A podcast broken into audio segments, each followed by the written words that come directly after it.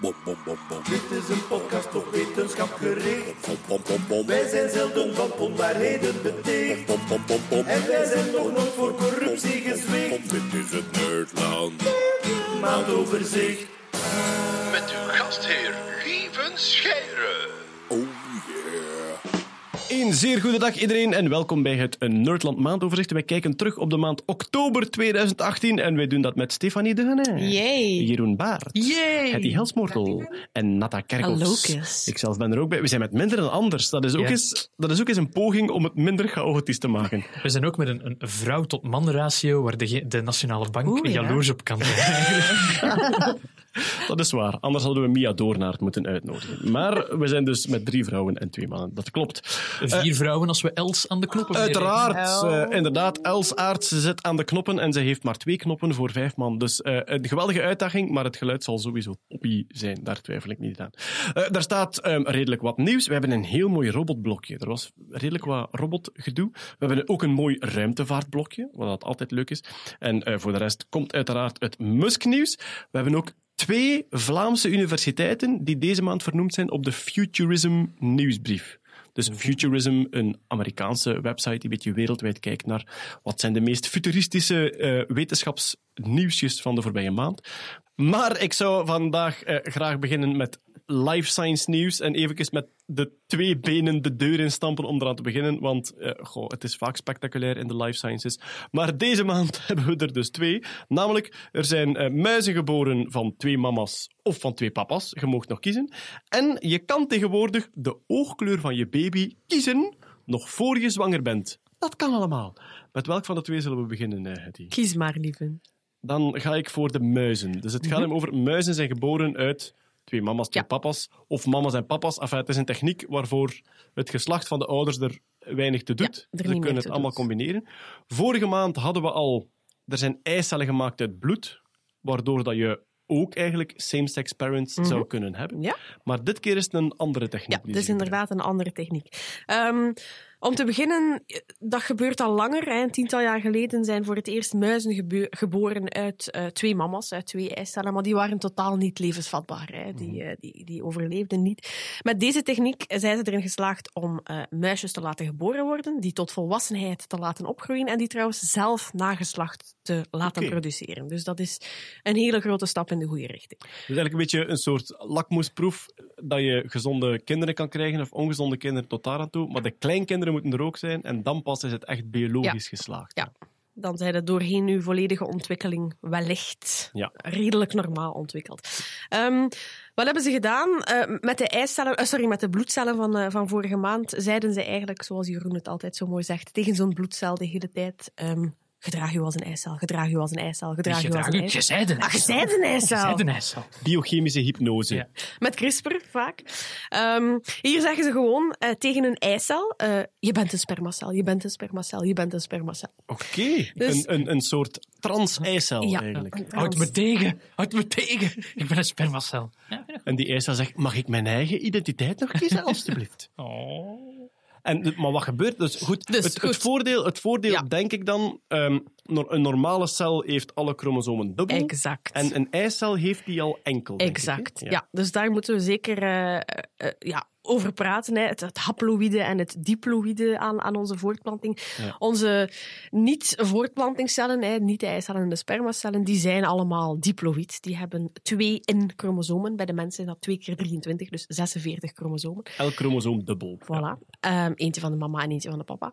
Ehm, een eicel heeft natuurlijk maar de helft van die chromosomen is haploïd en een, een spermacel ook. Dus wat doen ze hier? Het is eigenlijk een vier-stappenplan. Het eerste wat ze doen, ze nemen een eicel en met chemische signalen laten ze die eigenlijk denken dat die bevrucht is, waardoor die begint te delen. Ah. Ja. Maar ze deelt zich dus haploïd. hè. Dus ze deelt terwijl ze maar de helft van de chromosomen Exact, heeft. Ja. Daarvan nemen ze een, een stamcel, hè, een embryonale stamcel, die dus maar haploïd is. Die nog alles kan worden. die nog alles kan worden? Is dat dan pluripotent of omnipotent?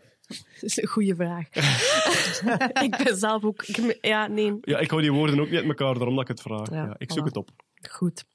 Eh, wat doen ze dan van die eh, stamcel? Met CRISPR wissen ze eigenlijk het geheugen daarvan en, en wissen ze alle signalen waardoor die nog zou denken dat die een eicel is. Hè? Ah, dus in het begin Dus- zegde, je ja. zit een zaadcel en die zegt, dat is niet waar, ik ben een eicel. En als je ze gewist hebt, zegde, je zit een zaadcel en die zegt van, ja, ik weet het eigenlijk zelf niet, dus het zal wel zijn, zeker. Ja. Oké, Volgende stap is dan opnieuw met CRISPR zeggen, je zijt een zaadcel. ja. Hè, dus eerst zegt je, je zijt geen eicel meer. In de volgende stap met CRISPR zegt je, zijt een zaadcel. En die artificiële zaadcel, die ehm, planten ze dan in bij een, een gewone eicel, waardoor een, een embryo ontstaat, die ze dan in een eh, draagmoeder inplanten. Dus je hebt eigenlijk drie moeders die dan wel betrokken zijn. En daaruit zijn dus... Ah, de draagmoeder is uiteraard... Ja. De draagmoeder kan technisch gezien ook dezelfde zijn als die de eicel geleverd heeft, denk ik. Ja, technisch Ja, voor wel, een maar... rare stamboom zitten dan. Ja, Ah, wel, maar op zich vind ik draagmoederschap wel iets heel boeiend, omdat zeker. De, de, de biochemie van de baarmoeder bepaalt ook voor een stuk Ja. Hoe dat je eruit komt. Hè. Ze, ze hebben zo onderzoeken gedaan naar, naar vingerlengte, is daar zo'n typische voor. Hè. Zo, lengte van ringvinger ten opzichte van wijsvinger is blijkbaar een indicator van bepaalde hormonale... Stoffen in de baarmoeder. Ik dacht dat dat iets te maken, ik dacht dat dat ook iets te maken had met hoeveel tos- testosteron dat je In de zou ja. hebben in de. Ah, oké, ja. Het, derde kind van Kanye West is in een, een, een externe baarmoeder geboren. Hè? Allee, dus niet die van In- zijn vrouw, maar Ah ja, in- ja. In, Een draagmoeder. een draagmoeder. Ja. Ja. In de externe baarmoeder van het ego van Kanye West? Gewoon iemand betaald om zwanger te zijn in, in de plaats van Kim. Ah, oké. Ah, Kim wou Omdat niet zwanger zij onvruchtbaar is? Of... Ehm, ik denk dat er een deels een gezondheidsissue was, maar ook deels een ik heb een druk leven en ik wil geen dikke buik Oh. hebben op mijn reality show. Wacht, wacht, wow, wow, wacht. Is dat, is dat legaal? Dat is legaal. Is en Kanye West, alles is legaal. je- Kost veel geld, Je kunt u ja. daar veel ideologische vragen bij stellen, maar ja, technisch gezien... Ja. Is dat legaal? Oké. Als het een gezondheidsrisico inhoudt voor de origine. Ja. Ja, ja oké. Ze Zeg maar, die vrouw dat wel gevraagd. Hè? Het is niet dat die... Het is niet dat die wakker werd en zo Kanye West nog even zien weglippen uit de deur. Dat is... Allee, gewoon op café iemand meenemen, rohypnol inpoefen. Je bent nu zwanger van ons kind. Live with wat it. de? Zeg, maar we gaan daar nu vrij snel over van, van via CRISPR eigenlijk een, een eicel laten vergeten dat ze een eicel is en daarna laten denken dat ze een zaadcel is. Valt dat snel uit te leggen wat je daar precies mee doet? Want Ja. met CRISPR past een beetje genen aan of Je knipt- geactiveerd Ja, genen daarmee? ja. In, in die eerste fase, om dus die eicel te laten vergeten dat ze een eicel is, knipte een drietal regio's weg. Dat zijn ehm imprinting-regio's. Eh, dus imprinting is eigenlijk een soort methylatielaag op uw DNA, waardoor ehm, vaak, allee, het eenvoudigste uit te leggen is, een eicel heeft, eh, of, of een, een- cel van een vrouw heeft twee X-chromosomen, maar om dat te balanceren met eh, mannelijke cellen die eh, een X- en een Y-chromosoom hebben, dat Y-chromosoom is veel, veel korter. Dus wordt één van die twee X-chromosomen van de vrouwen eigenlijk geïnactiveerd. Dat wordt stilgelegd. Dat is een voorbeeld van, van imprinting. Ehm, en het zijn die regio's die men eruit knipt, ehm, waardoor zo'n cel dan plots ehm, begint in, te dat als denken. die cel in de spiegel kijkt, dat hij zoiets heeft van... Ja, ik heb wel iets een beetje van een zaadcel. Dus de eicel in de puberteit. Wie ben ik eigenlijk? Ik weet het niet meer. Maar ja, het, het gaat dan over de genen die actief zijn om een zaadcel te zijn. Die worden uitgeschakeld, zodanig dat het eigenlijk...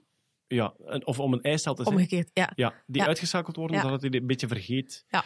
En omgekeerd kan het ook. Je kunt Ja. een zaadcel wijsmaken dat het een eicel is. Ja, dat kan ook, maar dat is veel moeilijker. Eh alleen moeilijker, het is te zeggen, je kunt inderdaad die zaadcel wijsmaken dat hij een eicel is. Je kunt die dan met een echte zaadcel gaan paren, maar je moet die nog altijd inbrengen in een leeggezogen ei. Ah, In een leeggezogen eicel. Zoals met Pasen.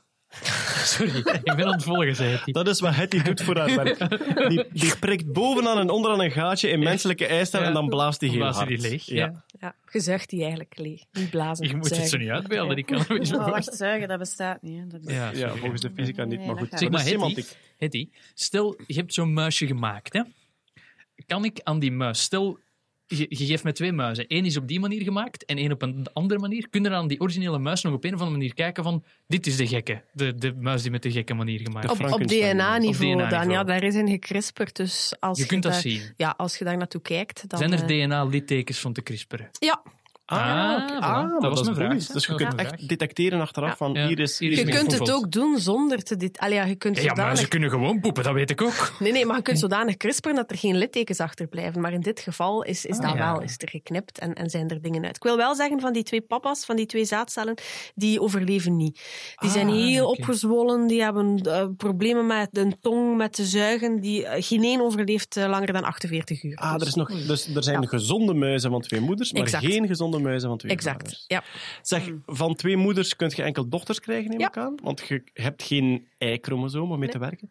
En van twee vaders moet je denken dan, geweldig opletten, dat je niet twee Y-chromosomen in één bevruchte cel Ja, steekt. dan moet inderdaad, een van die twee moet dan een X-chromosoom bevatten. Hè. Ja, want je, je kunt misschien een eicel met een Y-chromosoom zelfs niet wijsmaken dat het een eicel is. Dat weet ik eigenlijk niet.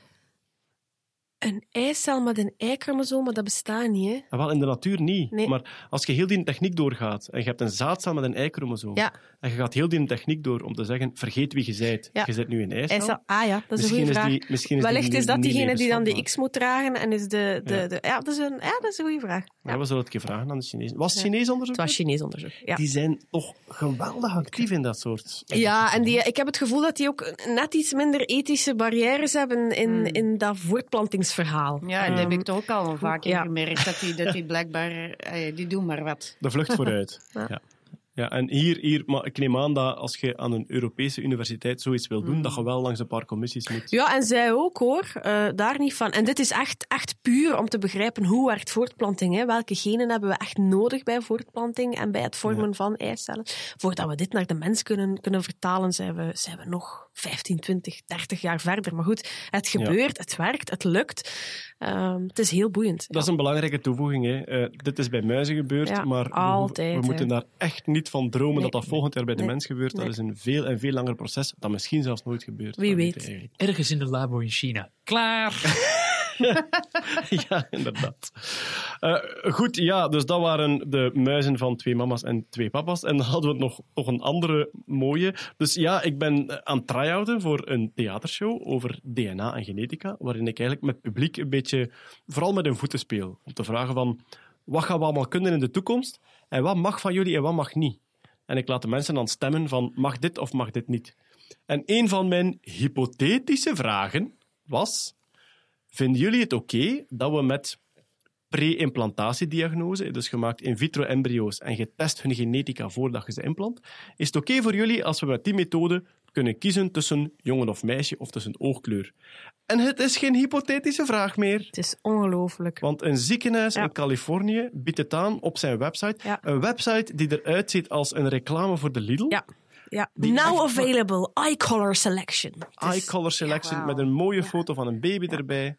En dus wat dat zij aanbieden is, je mag naar daar gaan als ouders.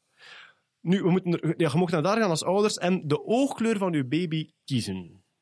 Ja. Dus zij maken verschillende in vitro embryo's en zij planten eentje in met Ja. de oogkleur die jij Ja, gekozen het hebt. is te zeggen, je moet als ouders natuurlijk wel de genetische bouwstenen dragen Klopt. om tot die kleur te komen. Twee ouders met blauwe ogen gaan nooit eentje krijgen met bruine Nee, ogen. inderdaad. 1% kans op groene ogen en 99% kans op blauwe ogen. Las Ja. ik op de website. Ik ben er eigenlijk enorm van geschrokken. Had mij dat doorgestuurd. Ja. En, en ik, ik wist niet dat het kon en dat het mocht. Maar het is inderdaad een privékliniek, de Fertility Institute. Actief in de Verenigde Staten, maar ook in Mexico en India. Die dat dus gewoon reclamegewijs. Ze zijn er heel trots op aanbiedt op hun website. Ja. En is- in Cyprus is een ziekenhuis die hetzelfde doet met geslacht. Ja, maar zij doen het ook met geslacht. Ja. En zij voeren actief campagne in het Verenigd Koninkrijk. Dus in het Verenigd Koninkrijk krijg je echt op je internetbrowser een reclamebanner. Waarschijnlijk worden via algoritme uitgeselecteerd Ja. van kijk, dit zijn jonge koppels die aan kinderen gaan beginnen. Je wordt uitgeselecteerd, je krijgt een reclamebanner. Misschien willen jullie wel het liefst een dochter of een zoon. Kom naar Cyprus.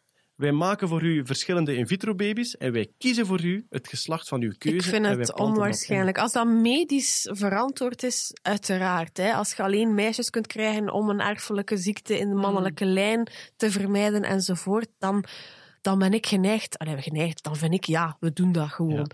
Maar allee, puur om, om Luxe, ja. eh, family balancing en, en, en vooral die oogkleur ook. Ik ben, ik ben geschrokken, ik De moet het eerlijk en het toegeven. logo zien eruit alsof dat het zo het bedrijf is van de slechteriken in een James Bond film. Oh, Maar wat, dat, ja. wat, dat mijn, wat dat mijn belangrijkste bedenking was als ik het zag, was...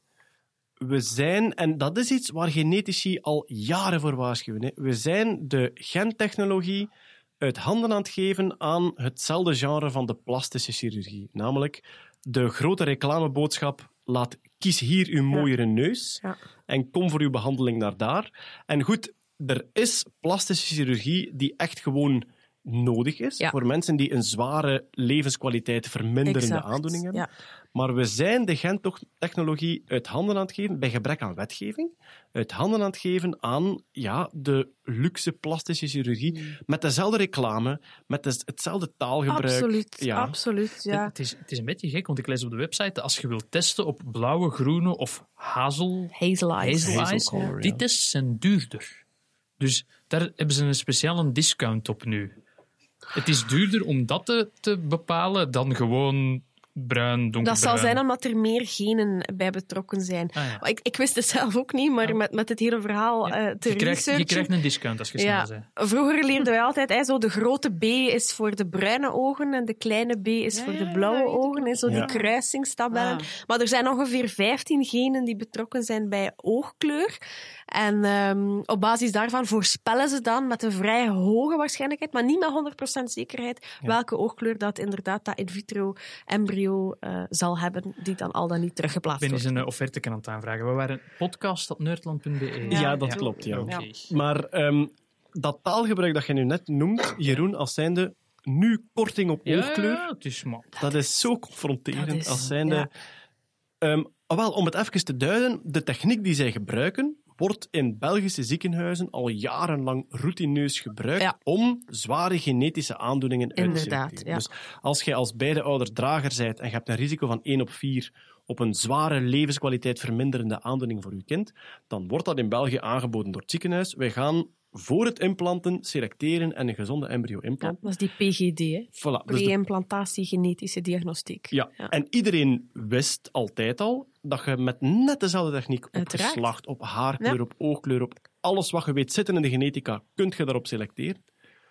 En voilà, in mijn theatershow heb ik het altijd als hypothese daarvoor geschoven. En dus sinds een maand is het geen De hypothese filter daar zet hem op het niveau van de behandelende arts, hè, die dan beslist of wetgevend bepaald wordt van doe het niet. Maar een keer dat dat wegvalt in een privékliniek, ja, dan... Dat is exact wat de genetici van de KU Leuven mij al een paar jaar vertellen, als zijnde de ethische filter in België nu ligt hem zuiver op niveau van het ziekenhuis. Wij hebben een ethische commissie die zegt wat we wel en niet doen. Maar er is geen wetgeving. Als je morgen een privékliniek opricht, kun je eigenlijk doen wat je wilt. Ze bieden ook gender selection aan. ja, hè. dat doen ja, zij ook. Ja, ja, Ja. ja. ja. Dus je kunt, eh, je kunt geslacht en oogkleur kiezen en dan krijg je korting, omdat je het pakketje pakt. Dat is eigenlijk... Eh, Dus Brave New World, we zijn er. Maar dat is toch maf? Allee, dat, Maar is- het, het is, dat passeert, maar dat is toch... Ik vind het wel dat raakt maf toch dat- wel heel hard aan, aan ja, uw Ja. genetica.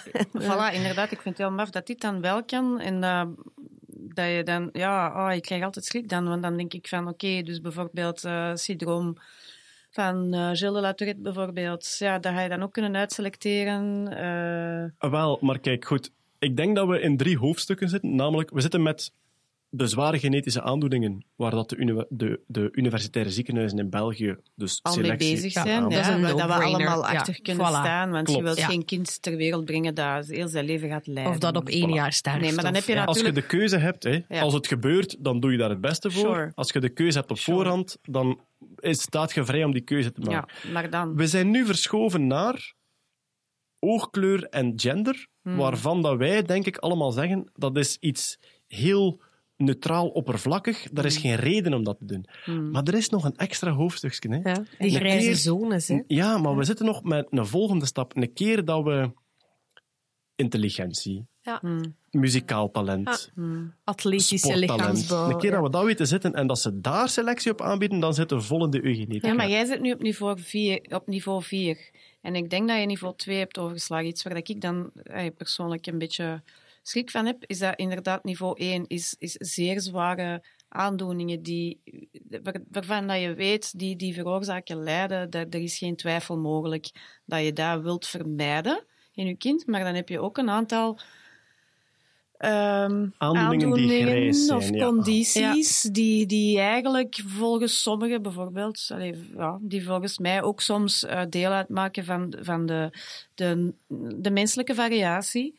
Eh, Die, die mensen misschien liever niet hebben. Dyslexie, kleurblindheid, Ja. eh, autisme, absoluut. eh, stotteren, Ja. die dingen. En, en, en, en dat vind ik eigenlijk nog eh, enger dan te gaan, dan te gaan zeggen, dan, dan die, kleur, eh, die kleur van die ogen of zo. Ik vind, ik vind dat nog enger, omdat je, dat je echt alle mogelijke kleine variaties binnen dat menselijk spectrum uitselecteren.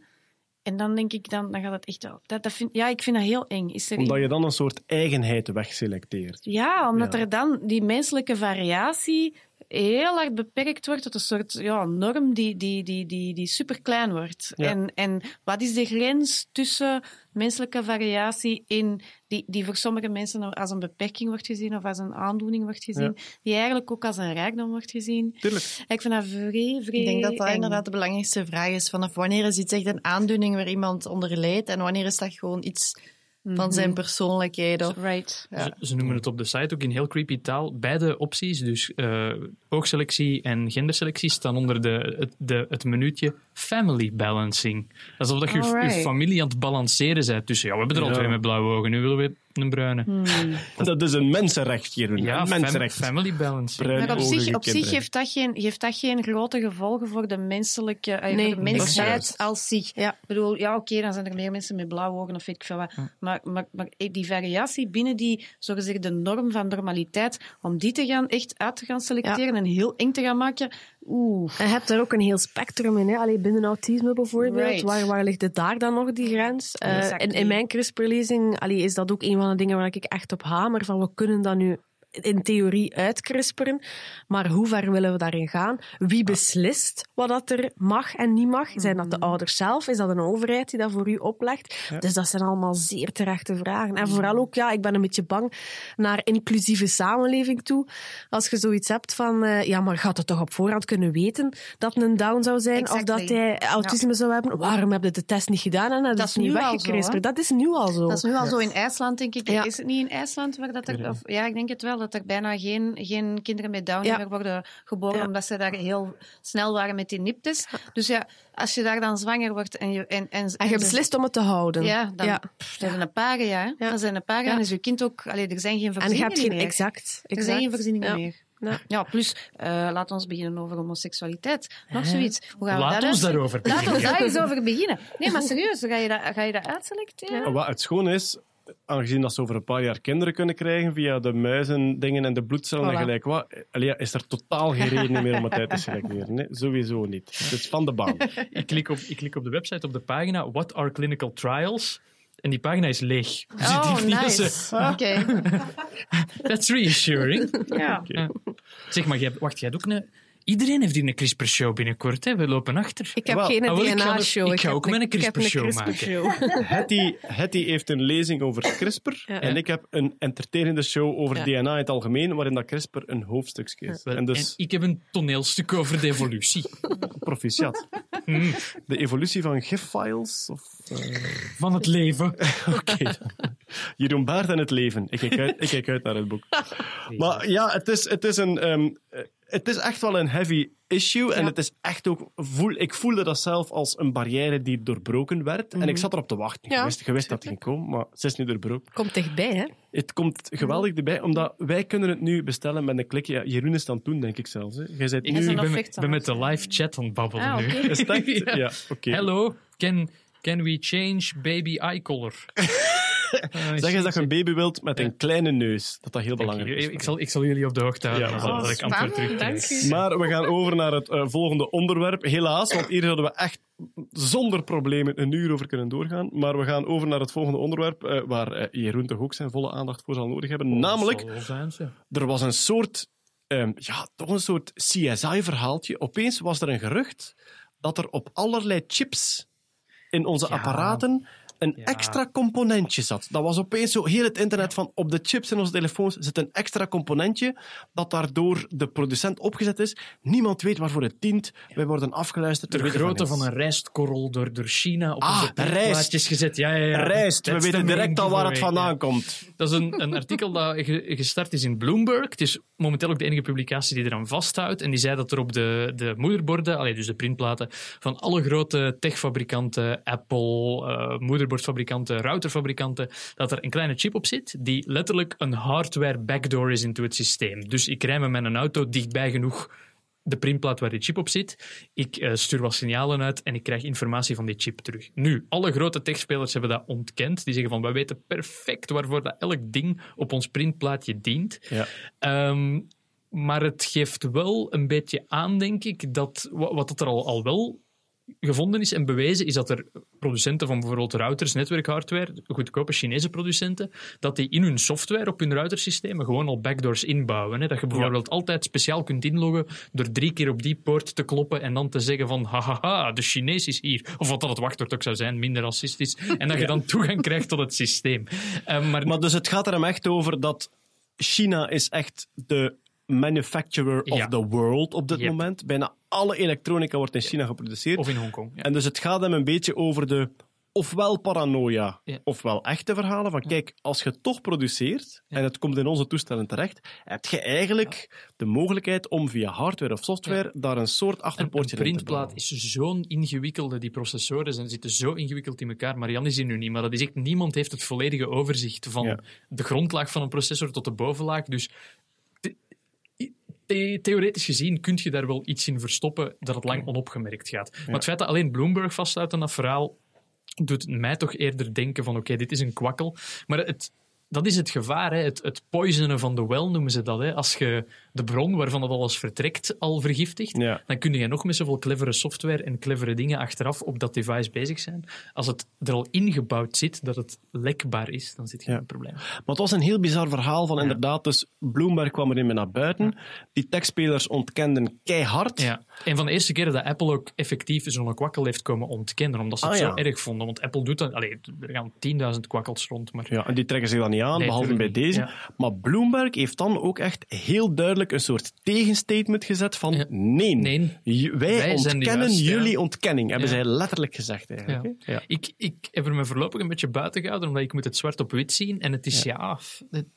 het, is ook niet altijd is moeilijk, hè, want als je een iPhone laat maken, al die componenten komen niet altijd van exact dezelfde plaats. Hè. Nu weer komen die chips van daar, dan weer komen die chips van daar. Ja. Die zijn gebouwd tot specificatie, maar uiteindelijk is het maar ja, momenteel degene die de, de beste aanbieder is, waarvan je het van afneemt. Dus dat, dat hele proces is... Dat verschuift echt. Dat verschuift echt, ja. ja, ja. Ook, ook bij grafische kaarten en zo. hè. Je kunt nu een bepaald type grafische kaart kopen en de ene keer zit daar geheugen uit Japan in en de andere keer zit daar geheugen uit Thai- Thailand in. Ja. Eh, dat zou allemaal up to spec moeten zijn, maar Ja, ja, je weet het vaak niet. Ja. Dus ja, Oké, de toekomst zal het uitwijzen, hè? inderdaad. Ja. Goed, we gaan over naar het eh, volgende, breinnieuws. Brein. Er was een soort nieuwsje en goh, ik denk dat we er nog niet echt uit zijn of het nu publication bias was of echt iets echt fundamenteel. Laten we de jingle toch maar afspelen. De publication bias jingle. Ja, ik ga hem nog niet afspelen, want ik, ik ben er nog niet uit. Ik ben er nog niet uit. Het nieuws was, ehm, ze hebben breinen met elkaar verbonden. Drie breinen zelfs, denk ik. Dus drie breinen worden met elkaar geconnecteerd. En dan gaat direct mijn sceptische wenkbrauw omhoog. Als zijnde, wat bedoelen ze hier precies? Ik dacht meteen aan het nieuwe album van K3. Bijvoorbeeld. Ja. Ze hebben nu de rekenkracht van één gewoon brein. Oh, dat had ik niet mogen zeggen. Nee, dat dat is- kwam van nergens. Oh, stout. Sorry, ik, ik zag hem op en ik ging ervoor en eigenlijk was hij niet terecht. Sorry. Maar dus, ze hebben drie, drie breinen met elkaar verbonden. Ja, eh, Stefanie, je hebt het ook gelezen. Mijn gevoel is, het is niet zo spectaculair als ze het willen laten klinken. Natuurlijk. Maar ik vind het ook geen complete kwakkel. Wat hebben ze precies gedaan eigenlijk? Ja, breinen met elkaar verbinden is niet echt helemaal juist. Hè? Ze hebben drie mensen Tetris laten spelen, waarbij dat er één persoon het blokje liet vallen en twee personen konden ehm, eigenlijk signaleren of dat het blokje moest eh, roteren of draaien. Ja, roteren of draaien, dat is een beetje Ja. hetzelfde. Hè? Links of rechts Eh, draaien, Links of rechts. ja. Dus het is, is altijd, als er zo brain-machine interfaces zijn, de meest basic eh, eh, de meest basic command dat je kunt geven is links of rechts. Ja. Dat is altijd, dat is altijd vrij makkelijk. En, en, en natuurlijk in Tetris is dat vrij belangrijk. Dus die twee mensen die geconnect, ja, zogezegd geconnecteerd Hoe zijn die geconnecteerd? Ja, dat is natuurlijk wel. de essentie, Dus, ja. dus, ehm, dus eh, ze krijgen allemaal zo'n raar hoedje op. Eh, en, Een ehm, hoedje met elektroden voor de een hoedje met elektroden. en ehm, als die twee mensen die geconnecteerd zijn met die een derde zeggen van wij kijken naar links, dan krijgt de kerel die het blokje moet laten vallen, die ziet ergens een, die krijgt eigenlijk een lichtsignaal ergens. Ja. Maar echt in zijn brein. Ah, in zijn- intern, ja, ja, ja, niet extern. Nee, Nee, nee, nee, in nee, zijn nee, brein. intern, intern. Dus er zijn twee mensen die zeggen naar links, naar links, naar links. Eh, en dan krijgt die een derde eh, ja, een lichtsignaal te zien, ergens linksachtig. En dan weet je van, oké, ik moet naar links. Dus dat is eigenlijk wat er gebeurt. Het gaat eigenlijk gewoon puur over het feit dat, dat, mensen, ja, dat mensen verbonden worden met elektroden. Dat die een simpel signaal kunnen geven, links, rechts, onderboven. En dat dat, want dat, dat kennen we al, hè. dat wordt in de brain-machine interfaces eh, vandaag eh, heel vaak eh, gebruikt. Ook mensen die in een rolstoel zitten bijvoorbeeld, die, die een rolstoel Ja, die de rolstoel besturen met heel, heel verschillende gedachten. ja, spraakcomputers voor mensen die heel verlamd zijn werken ook zo. En mensen kijken naar links, naar rechts. Dus die oogbewegingen die zijn er. Die kunnen worden omgezet in elektronische signalen. En in dit geval worden die oogbewegingen omgezet in elektrische signalen. En worden die elektrische signalen binnengebracht bij die derde persoon.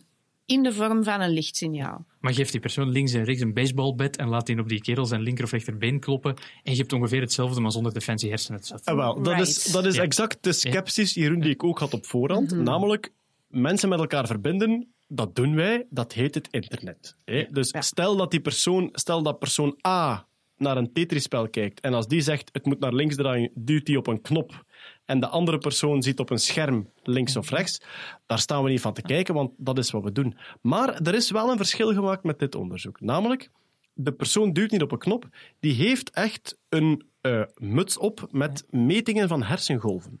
Dus de enige meting die gebeurt, hij doet geen output met zijn ledematen. De enige meting die gebeurt is dat zijn hersengolven naar een lichtje links of naar een lichtje rechts kijken en dat wordt in zijn hersenen uitgemeten door die muts. Dat wordt doorgestuurd naar de andere en die krijgt ook een input rechtstreeks in zijn hersenen. Dus wat ze tegenwoordig doen is, ze kunnen een magnetisch veld focussen op één punt in uw hersenen. En daar staan heel grappige filmpjes op het internet. Als ze dat magnetisch veld focussen op uw motorisch centrum en jij probeert een blokje vast te pakken, dat gaat niet meer, want uw hand schiet alle kanten uit. En dat is uiteraard lachen, geen brullen, want dat is slapstick. Maar ze hebben ook een centrum gevonden om u bepaalde lichtflitsen te laten zien. Dus het lichtje dat de ontvanger ziet, ziet hij niet echt. Nee, nee, nee. Dat wordt echt in zijn hersenen gestuurd. Wat als, die, wat als die twee mensen langs een buitenkant, die zeggen links of rechts, wat als die het oneens zijn met elkaar? Dan wordt die middenste gewoon blind. Bijvoorbeeld. Draait hem links, draait hem rechts. Ah! En dus het zijn, dus los van de hele opstelling, die geweldig Ja. rudimentair en, en, en ja, echt basic is, zijn het, is het wel een hersensignaal van de ene dat doorgestuurd wordt Ja. tot in de hersenen van de andere. Ja. dat, is eigenlijk de, e- dat is eigenlijk de voornaamste verdienste van de opstelling. hetzelfde geld vinden ze een ander punt in die zijn hersenen en is het zo van, oh, ik heb in mijn broek gekakt. Maar moet- natuurlijk. Ja, maar die dat moest kan ook. naar rechts, die Absoluut. blok. Ja, alleen nu in je broek Ja. kijken, dat kan niet. Maar nee, nee, maar je kunt inderdaad... Ja, nee, dat, dat, dat, dat zit, dat zit de mogelijkheden En is dit- hele wagenwijd open. Hè? Puur basisonderzoek om te weten te komen hoe werken onze hersenen, hoe Ja, ik- geven die signalen ik- door, of is dat al toepassingsgericht Ik denk in dat een of andere richting? Ik denk niet dat dit puur basisonderzoek is, want ik denk dat we wel weten hoe dat de, allee, Mhm. de visuele cortex werkt en hoe de motorische cortex werkt. En ik denk dat het eigenlijk wel, allee, omdat we al met, met brain-machine interfaces Mhm. zitten en zo, eh, ik denk dat dit eerder een soort gimmick was, maar wel, nee, niet gimmick, maar wel het, het idee van, oké, we gaan eh, in plaats van brain-machine interface, gaan we brain-brain interface Mhm. proberen.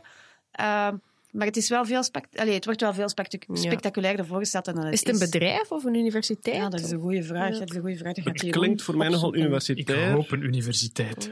Maar In hoe, Japan. En geen beursgenoteerd bedrijf. als, we nu even, als we nu even gewoon, goh, ofwel cynisch ofwel gewoon realistisch zijn, ik weet het niet. Er zijn twee aspecten aan het onderzoek, namelijk kunnen we bepaalde dingen uit de hersenen uitlezen. Dat wisten we al. hè. Namelijk, of dat je denkt aan een kalme zee of een tennisspel, Ze kunnen dat verschil al zien in de hersenen. Dus dat is wat er gebeurt bij de uitlezer, dat wisten we al. Kunnen we bepaalde signalen rechtstreeks in de hersenen sturen? Dat wisten we eigenlijk ook al. Met zo die, die cranial helmets heet dat dan. Zo een helm met allemaal magneten in, waardoor dat je magnetisme op één punt in je hersenen kunt focussen. Dat wisten we ook al. Dus wat is de verdienste van deze opstelling? Dat je de twee aan elkaar verbindt. Ja. Maar input en output aan elkaar verbinden over het internet is nu niet echt iets wereldschokkend. Dus de opstelling op zich is een beetje publication bias. Waarom praten wij er nu over? Omdat er natuurlijk op Because de website... cool. Maar ja, omdat er op de website cool. stond, we hebben twee hersenen aan elkaar verbonden. En they play Tetris. Ah, wel, ik Maar- kan juist zeggen, toch ja. ook omdat dat Tetris is. Natuurlijk. Maar dus de aparte componenten wisten we al. Ja. En de opstelling op zich geeft een cool effect van wat er al bestond. Ja. Zo zou je het denk ik kunnen samenvatten. Dus wel de jingle. En wel speciaal voor jou, toch de jingle van de publication bias. Publication bias van de. You are fake news. Het was de Carnegie Mellon. eh, Carne- Carnegie Mellon? Car- Carnegie Mellon? Universiteit. Het was geen bedrijf. Carnegie Mellon, ja. Carnegie Mellon, ja. Niet Trouwens, bekend. het tofste wat ze met die helm kunnen doen, hè, met die magnetische helm, het tofste wat ze daarmee kunnen doen, is wat ze noemen, en hoe, misschien moet ik de publication bias weer afspelen, hè, maar het tofste dat ze mee kunnen doen, is het godgevoel. Start de dat is- jingle. Super, super cool. Ja. Super cool. Ze kunnen door met die helm bepaalde hersengebieden te stimuleren, kunnen ze mensen een godsgevoel schenken. En er is een, en eigenlijk is dat wel redelijk, ja, het is redelijk intrigerend. Hè. Bij atheïstische mensen, als ze dat activeren, dan zeggen die altijd: Ik heb het gevoel dat er nog iemand in de kamer zit. En ze kunnen dat niet duiden, ze kunnen niet zeggen waarom, maar je krijgt echt het gevoel van: er staat iemand achter mij of naast mij. Het is echt dat centrum in je hersenen dat geactiveerd wordt. En bij religieuze mensen, die zeggen bijna allemaal: God is bij mij. Ik zag een man, witte baard, kleed. Yep, ja, voilà. De whole shebang. Dus de, de God Helmet. En de, de publication bias van de God Helmet is natuurlijk verre van nul. Omdat, ja, dat is iets tof om over te praten. Maar dat is een van de meest intrigerende toepassingen van die magnetische helm, dat je dat kunt stimuleren, blijkbaar. In de Ik vind dat weten ze op welk, op welk punt dat dan gecentreerd was? En, Ja. Want dat lijkt me zo... Als ik dat hoor, denk ik zo... ah, dat zou zo'n schizofrenie-achtige zone zijn in je hersenen. Of ja, maar ze- ja, weird. Eh, Het feit dat ze het kunnen activeren wil zeggen waar dat het zit. Dus ja, je zou dan cynisch geweg kunnen zeggen, misschien kunnen we religie wel wegsnijden uit de hersenen. Maar eh, let's not go there. Maar dat is een van de meest fascinerende dingen aan een, aan een, aan een hersenoperatie. Zeker, eh, mensen die, die bewust worden gehouden tijdens een operatie en tegelijkertijd is er een neuroloog die daar allerlei gebieden activeert en er worden allerlei dingen gevraagd aan die mensen. En het, het, het punt is gewoon dat... hoe meer dat je weet waar dat iets zich afspeelt in je brein, hoe meer dat je ermee kunt spelen. En je kunt dat aan- en afzetten. En dan is dat echt een kwestie van inderdaad daar gewoon elektriciteit op te zetten. En hopla, iemand kan niet meer praten. Of iemand heeft ineens afasie. Of, of ah, hé, die kan ineens niet meer kijken. Of, of die Maar kan dat ineens lijkt me niks allemaal nog zien. zo nuttige dingen, maar het idee hebben dat er iemand naast je staat, Ja. is precies zoiets wat je niet vaak gebruikt hè, in je hersenen. Of, Misschien heel Maar de- eenzaam bent. De, Ja, mijn, mijn favoriete anekdote daarover, dus Ja. het feit- inderdaad het feit dat die hersengebieden kunnen geactiveerd worden of gestimuleerd worden. Mijn fa- favoriete anekdote daarover komt van eh, Bas Haring. Pasharing. Bas Haring, de Nederlandse wetenschapspopularisator. Fantastisch boek geschreven, Kaas en de evolutietheorie. En Ah ja, ook die ken ik, ja. allerlei andere wetenschapsboeken. En hij heeft ooit, en ja, nu, ik, ik voel het nu al terwijl ik het vertel, het is inderdaad van, ik ken iemand die gehoord heeft van. Maar het verhaal dat Bas mij vertelde was, hij was aan het praten met een eh, hersenchirurg, die aan het opereren was, zoals dat gezegd, een hersenoperatie met een patiënt bij bewustzijn, om te zien dat je zeker niets misdoet. En op een bepaald moment zegt hij, oh, oh, oh, oh, duw daar nog eens. Ah. En die hersenchirurg duwt daar nog eens en die zegt, daar zit het liedje Knocking on Heaven's Door van Guns N' Roses. No way. En dus die patiënt beweerde, als je daar nu op tikt, dan wordt dat geactiveerd en dan hoor ik Knocking on Heaven's Door. En was dat in Van zijn, Guns N' Roses. Dat was dan in zijn, zijn auditory cortex Ja, of ergens in zijn geheugen, ik weet het niet. Was die patiënt de gitarist van Guns N' Roses? Nee. En die chirurg vertelt dan na de operatie aan iemand anders. En die andere hersenchirurg zegt: Waarom heb je niet weggesneden? Dat is een kutnummer. Eh, maar dat had, dat had hij dus niet gedaan. Goed, of het waar is of niet, weet ik niet. Maar ja, eh, why ruin a good story? door eh, uit te zoeken of het waar is of niet. We gaan gewoon naar het robotblokje gaan, want er is wel wat robotnieuws gepasseerd. Boston Dynamics, het beste robotbedrijf ter wereld, die hebben niet één, maar twee filmpjes losgelaten op ons deze maand. En het eerste, het is zo lang geleden dat ik me afvraag, was het eigenlijk nog wel deze maand, maar ik denk het wel, was de Atlas-robot, dus de humanoid-robot met armen en benen van Boston Dynamics, die een soort parcours, ehm, een, een soort parcours-dingetje eh, afgelegd heeft. Dus parcours, het, het springen over hindernissen. Maar die dus echt een paar stapjes gezet heeft, over twee boomstammen gesprongen heeft en dan zo met zijn benen links, rechts, links op verhoogjes omhoog sprong. Ja. Op steeds groter wordende muurtjes. ja. Dus ja, Vonden we hem indrukwekkender dan de achterwaartse salto? Ik wel. Ik ja, omdat, omdat het, dit had veel meer... eh, even, even, ja, ja. Ik, heb, ik heb vroeger gedanst. En, eh, nee, nee, maar het is echt waar. Dit had veel meer evenwichtsmoeilijkheden. Je gaat van links naar rechts en die, die verschillende hoogtes en zo. Een salto is ene keer goed draaien en aan terechtkomen, maar dit was echt, ik denk, vier of vijf keer uw evenwicht hoort ze, hè? een salto, dat is gewoon één keer ja, maar draaien. nee, ja, ik zal het anders subiet even doen. Nee, nee, maar dat is niet waar. Maar nee, maar dit was echt vier of vijf keer uw evenwicht hervinden. En dat is toch iets wat heel moeilijk is voor robots. Wat ik mij afvraag, zijn die geprogrammeerd om exact dat parcours te doen? Van die, de linkse muur is zoveel meter en Ik zoveel denk dat centimeter wel, hoog. maar ik denk wel dat ze sowieso elke keer als ze die stap moeten doen, dat ze toch nog altijd die meet... Is het niet zo dat, Dat ze dan op dat moment die, die meting moeten uitvoeren van sta ik hier nog wel stabiel? Of weten die, op 3 meter, 45 centimeter ligt er een boomstam waarover dat ik op 65 centimeter moest springen? Wel, dat is van die filmpjes niet af te leiden. Ja. Nu, we weten uit vorige filmpjes, zeker van die Big Dog en van die Spot Mini Ja. van Boston Dynamics, en ook van de filmpjes waarin dat ze robots plagen, en daar zijn ze bekend om, hè, robots een duw geven. Ja. Dus daaruit weten we zeker dat hun robots heel responsief zijn. Dat die Ja. echt kunnen reageren op wat er gebeurt en, en op de druk op de voeten enzovoort. Natuurlijk, uiteraard denkt het hele internet van kijk, dit specifieke parcours heb je hem honderd keer laten doen. En het is ene keer En je gelukt. hebt hem constant self-learned Ja. laten Ja. verbeteren en je hebt de geluk uitgezonden. Dat weten niet. Oké. En op zich lijkt het mij ook voor de hand liggend als marketingdienst van Boston Dynamics dat je dat doet. Maar we weten wel uit het voorgaande filmpjes dat die robots echt wel reageren op hetgeen dat ze voelen op dat moment Ja. en een soort evenwichtssysteem Ik vond de best filmpjes voor deze niet. Normaal sturen ze altijd één filmpje met dit kan hem. En Ja. dan een paar dagen later het filmpje met... Ze durven dat nu niet meer. Nee, inderdaad. Ja, als ze, hem- als ze hem nu pesten, kan hij hen volgen tot thuis. Ik weet uw huis wonen, jongen. Ja. Ik heb de database gehackt van het personeel en ik kom jullie allemaal slaan. Ja. S'avonds als je dat labo afsluit, hoorde zo'n robot roepen... Leuke vrouw en kinderen heb je. Fuck. Een DDoS-attack is zo 2016. Ik kom u echt slaan.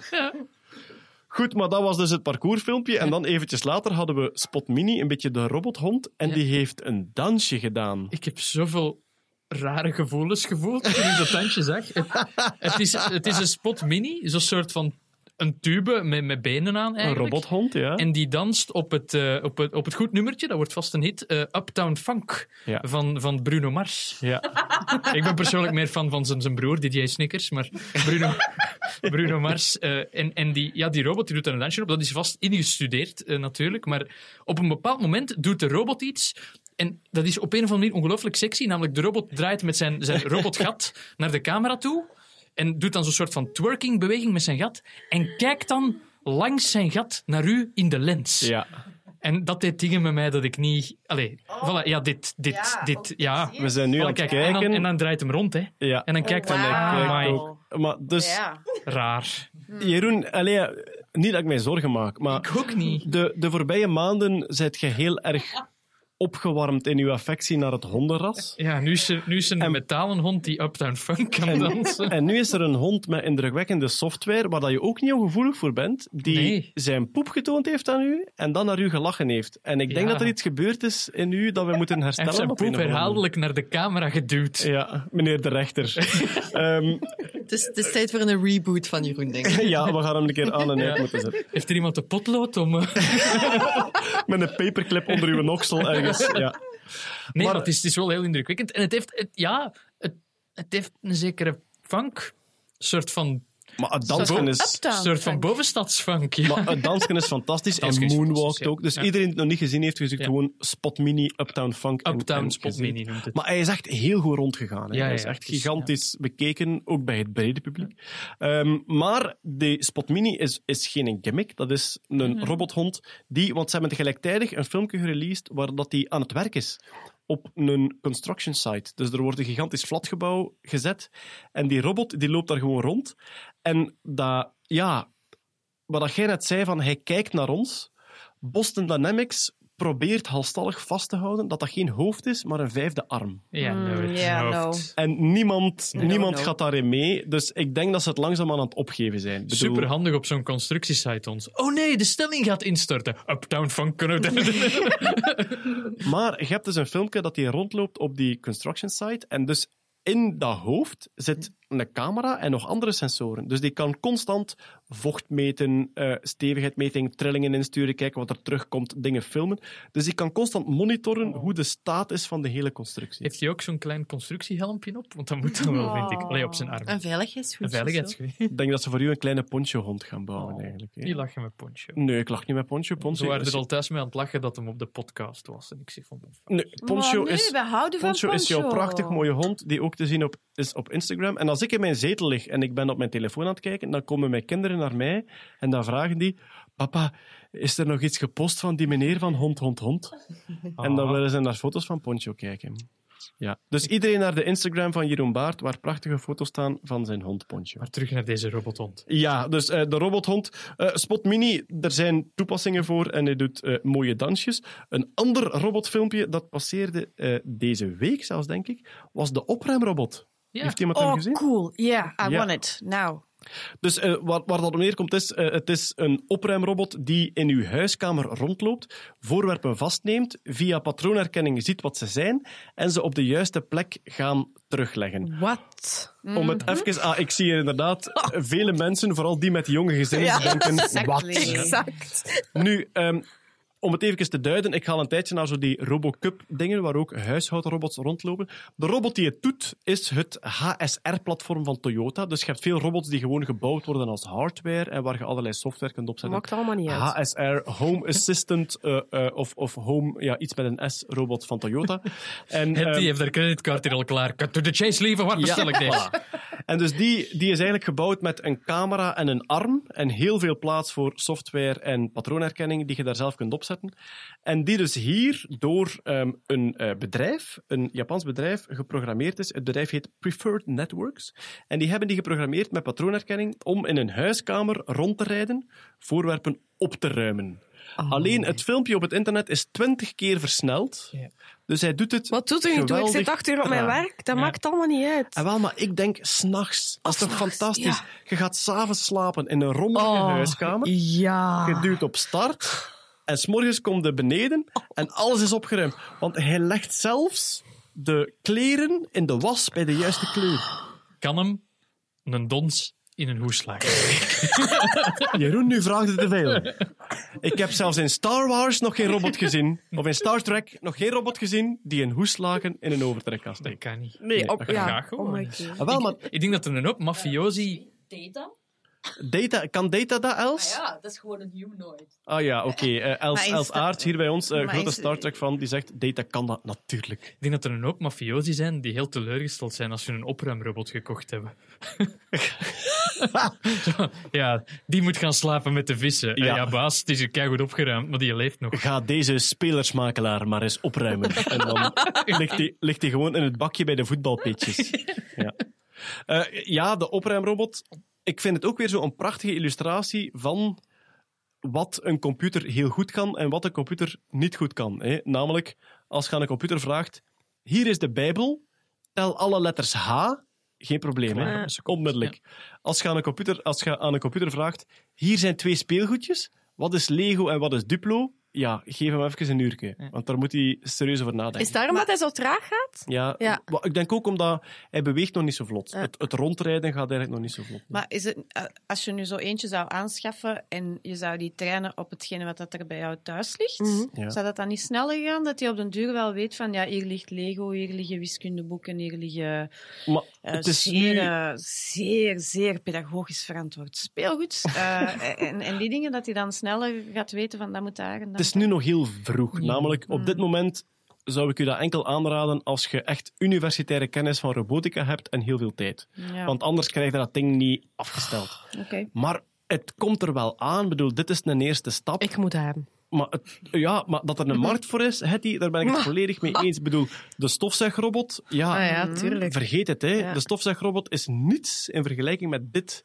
Iets wat uw huis... Als je 's morgens opstaat Ah. en uw huis is opgeruimd... Zou je die twee kunnen combineren? Natuurlijk, ja, Oh my god. Ah ja, yes. terwijl dat hij rondgaat, dat hij... Ja, natuurlijk. Ah, Hij is heel goed in sokken. Dat op zich al is al 90% van ons huishouden. Die Hey. sokken die op de grond gevallen zijn. Maar als je een robot hebt die de juiste sokken combineert nadat je de was gedaan Waanzin. hebt... Hey, Waanzin. Ook een goede markt voor, Bestaat niet. toch? Of zelfs die de verloren sokken terugvindt. Nee, oké, maar sorry, Nee, nee, dat is... Dat is Oh, die zijn, die zijn Nee. verdwenen in Ik wel, ik hyperspace. zie wel dat dat- er markers op de vloer zijn aangebracht. Dat is een beetje vals. Alleen, Maar dat is vals typisch, spelen, ja. Ja, Dat is de eerste fase. Ik ben echt aan het kakken op iets dat keigoed is.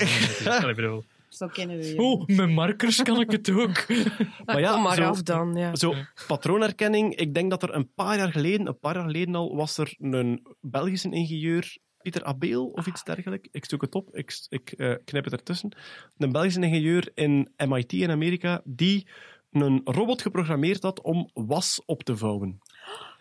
En die deed 20 minuten over één stuk. Oh, Om, ja, tuurlijk. Beats me. Die nam dat vast met één hand. En dan moet je even, en ja, Jeroen zit in de grafiek en in, in, in de informatica, een robot die een foto neemt van een compleet verfrommelde handdoek en daaruit moet afleiden Ja. wat de echte vorm is van dat ding, dat vraagt wel even wat Die moet, rekenkracht. die moet je mentaal ontfrommelen. Ja, maar inderdaad. Ja. als je op al je kledingstukken iets, een chipje of zo zou kunnen zetten, ik waardoor ben hij zou eens. Al uw kledingstukken zijn een QR-code. Maar ja, Lieve, kunnen jij nu een keer niks anders aan doen? Die stomme QR-code. Ah, maar nee, maar dan, Maar- weet, dan weet die robot van oké, dit is dit en dit is dat. We moeten hem misschien niet alles laten aanleren. Hè. Geeft hij gewoon wat Ik ben het daar volledig mee eens. Als ik rondloop op de Robocup en ik ga kijken naar de Home Assistant Competition, dat is ook een competitie, Home Assistants robots. Al die robots worden geprogrammeerd om te kunnen werken in elk random huis. Right. En ik denk bij mezelf, pardon, ik ben een nerd. Ik wil dat alles gemakkelijk gaat. En het kan mij niet schelen dat op elk glas en op elk kledingstuk en op elke onderbroek een QR-code staat, als dat ding maar alles voor mij doet. Dus ik denk in plaats van bottom-up te denken, wat we nu aan het doen zijn, hè, we gaan echt iets maken dat voor alle huishoudens werkt. Ik ben de eerste kandidaat, en goed, ik moet mijn vrouw nog overtuigen en dat gaat niet gemakkelijk zijn, maar ik ben de eerste kandidaat om, eh, sorry, in plaats van top-down te werken, om bottom-up te werken. Maar kijk, bouw mij een huis waarin alle glazen er hetzelfde uitzien en op dezelfde plek staan, Oh, dat die robot weet dat hij de afwasmachine kan uitlegen. En dat hem ook geen fouten maakt. Want voordat je Voilà. het weet, vind je Ah, ja. de bomma opgevouwen in de sokkela. Oh, ja. Waar is de bomma? Maar dan wel gematcht met een perfect identieke andere bomma die hij ergens in Australië gevonden heeft. We liggen hier al drie weken. Ja, voilà. Goed, maar dus de opruimrobot, hij bestaat. En inderdaad, het is de eerste fase. Maar ik merk aan het enthousiasme dat er een markt voor is. Ik vind, het ook, ik vind het ook zeer goed dat wij als, als mannen die willen een mopje maken, niet opruimrobot, ah, maar die bestaat toch al? En dan het driekoppige vrouwelijke gezelschap hier. You Dat hebben we dus niet gedaan. Nu, Jeroen. Tot nu. Dat hebben we niet niet gedaan tot nu. Lieve vanuit de montage. Jeroen bedoelt het hier goed. Jeroen genereert humor door dingen te zeggen die hij niet meent. Ja. Maar er was nog een robotje, namelijk een muggen-neerschiet laserrobot. Die was er ook. En eh, die vonden we online. Op, op een website werd die beschreven. En ik, ja, uiteraard was ik direct getriggerd van oké, er is een robot die muggen detecteert en die neerschiet met een laser. Ik vroeg me af, van waar kwam het? En blijkbaar hadden ze die gevonden op een wapenbeurs. Dus ja, er was iemand van zo'n technologiewebsite die was naar een wapenbeurs geweest. En opeens ging daar zo een gerucht rond van: zeg, heb je die muggen neerschietlaserrobot al gezien? En iedereen was dus van: ja, nee, wij zijn naar die automatische drones gaan kijken die mensen kunnen neerschieten. Ja, maar ja, je moet kijken naar die stand.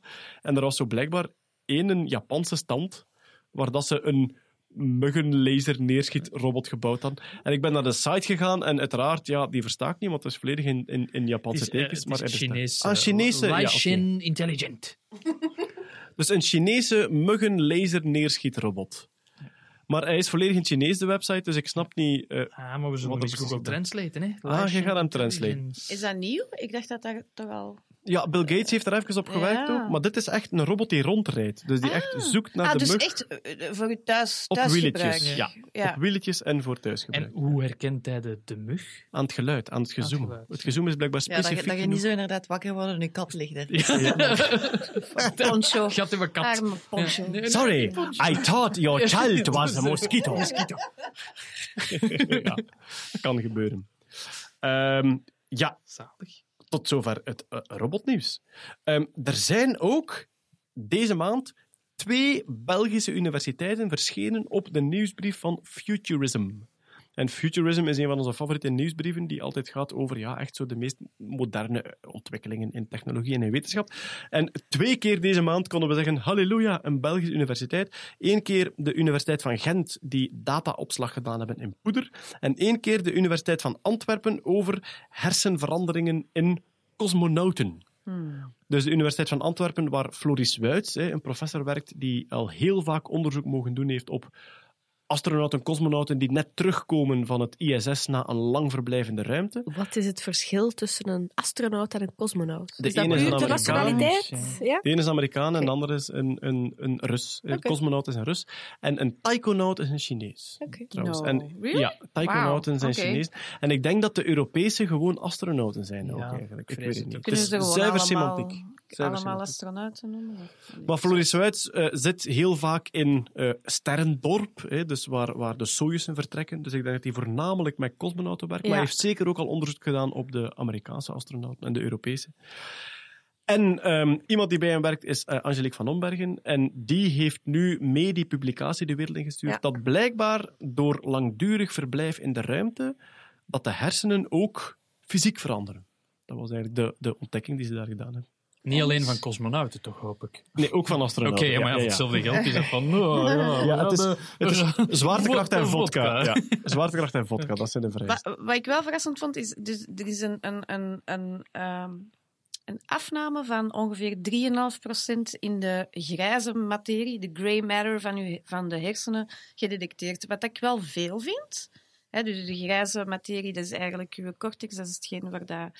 Uw denkwerk gebeurt. Eh, Voilà, eh, voilà. Dus dat is Uw eigenlijk rationele processen. ja, Ja. zeer belangrijk. En dan is voor vertrek versus na vertrek. Exact. En blijft dat bestaan? Ja, wel. Dus dat, is, eh, dat, dat, dat moeten ze natuurlijk nog verder onderzoeken. Maar... Het vermoeden is dat het wel herstelt. Hè? Oké. Ja. Ja. Het vermoeden is dat herstelt, maar er is bijvoorbeeld... Er zijn nog andere ehm, veranderingen waargenomen. Er, wordt, eh, er is een toename aan eh, cerebral fluids. Dan moet ik even denken. aan Hersenen. de hersen-. Ja. De vloeistof. Ja, de vloeistof die eigenlijk uw hersenen en uw, ruggenmerg omringt. Maar dat zou te wijten zijn aan ehm, zwaartekrachtverschillen. Dat En- dat stijgt of zo. Voilà, dat dat Ja. inderdaad stijgt en dat dat niet helemaal, allez, dat dat niet helemaal doet wat dat moet doen.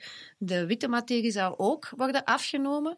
Eh, dus Wat gaan- witte materie? de witte materie is eigenlijk waar dat de verbindingen eh, Ah, ja. gebeuren. Dus dat is eigenlijk gewoon de snelweg van uw, van uw zenuwstelsel. Daar zitten alle, alle uitsteeksels van uw neuronen die daar naar elkaar gaan signaleren van oké, Ja, nu jij moet deze doen, jij moet dat doen. Dus eigenlijk, eh, basically, het verslechtert. Uw hersens gaan... eh, ja, hebben een afname aan, aan, aan, aan die materie, wat dat eigenlijk een functioneel effect gaat gaat moeten hebben. Maar dat, dat hebben ze nog niet onderzocht. Ehm, ik vind het sowieso wel interessant dat het zoveel is. Maar langs de andere kant, als je weet dat astronauten... ehm, wacht, hoe heette die kerel nu weer? Er is onlangs zo eh, een Amerikaan... ehm, denk ik, 100 dagen op TSS geweest. En had een tweelingbroer. Scott Kelly. Scott Kelly. En ze hebben hem gemeten in, ver- in vergelijking met zijn tweelingbroer. Ja. En ik denk, hoeveel centimeter was die kerel gekrompen? Dat was echt wel veel, hè?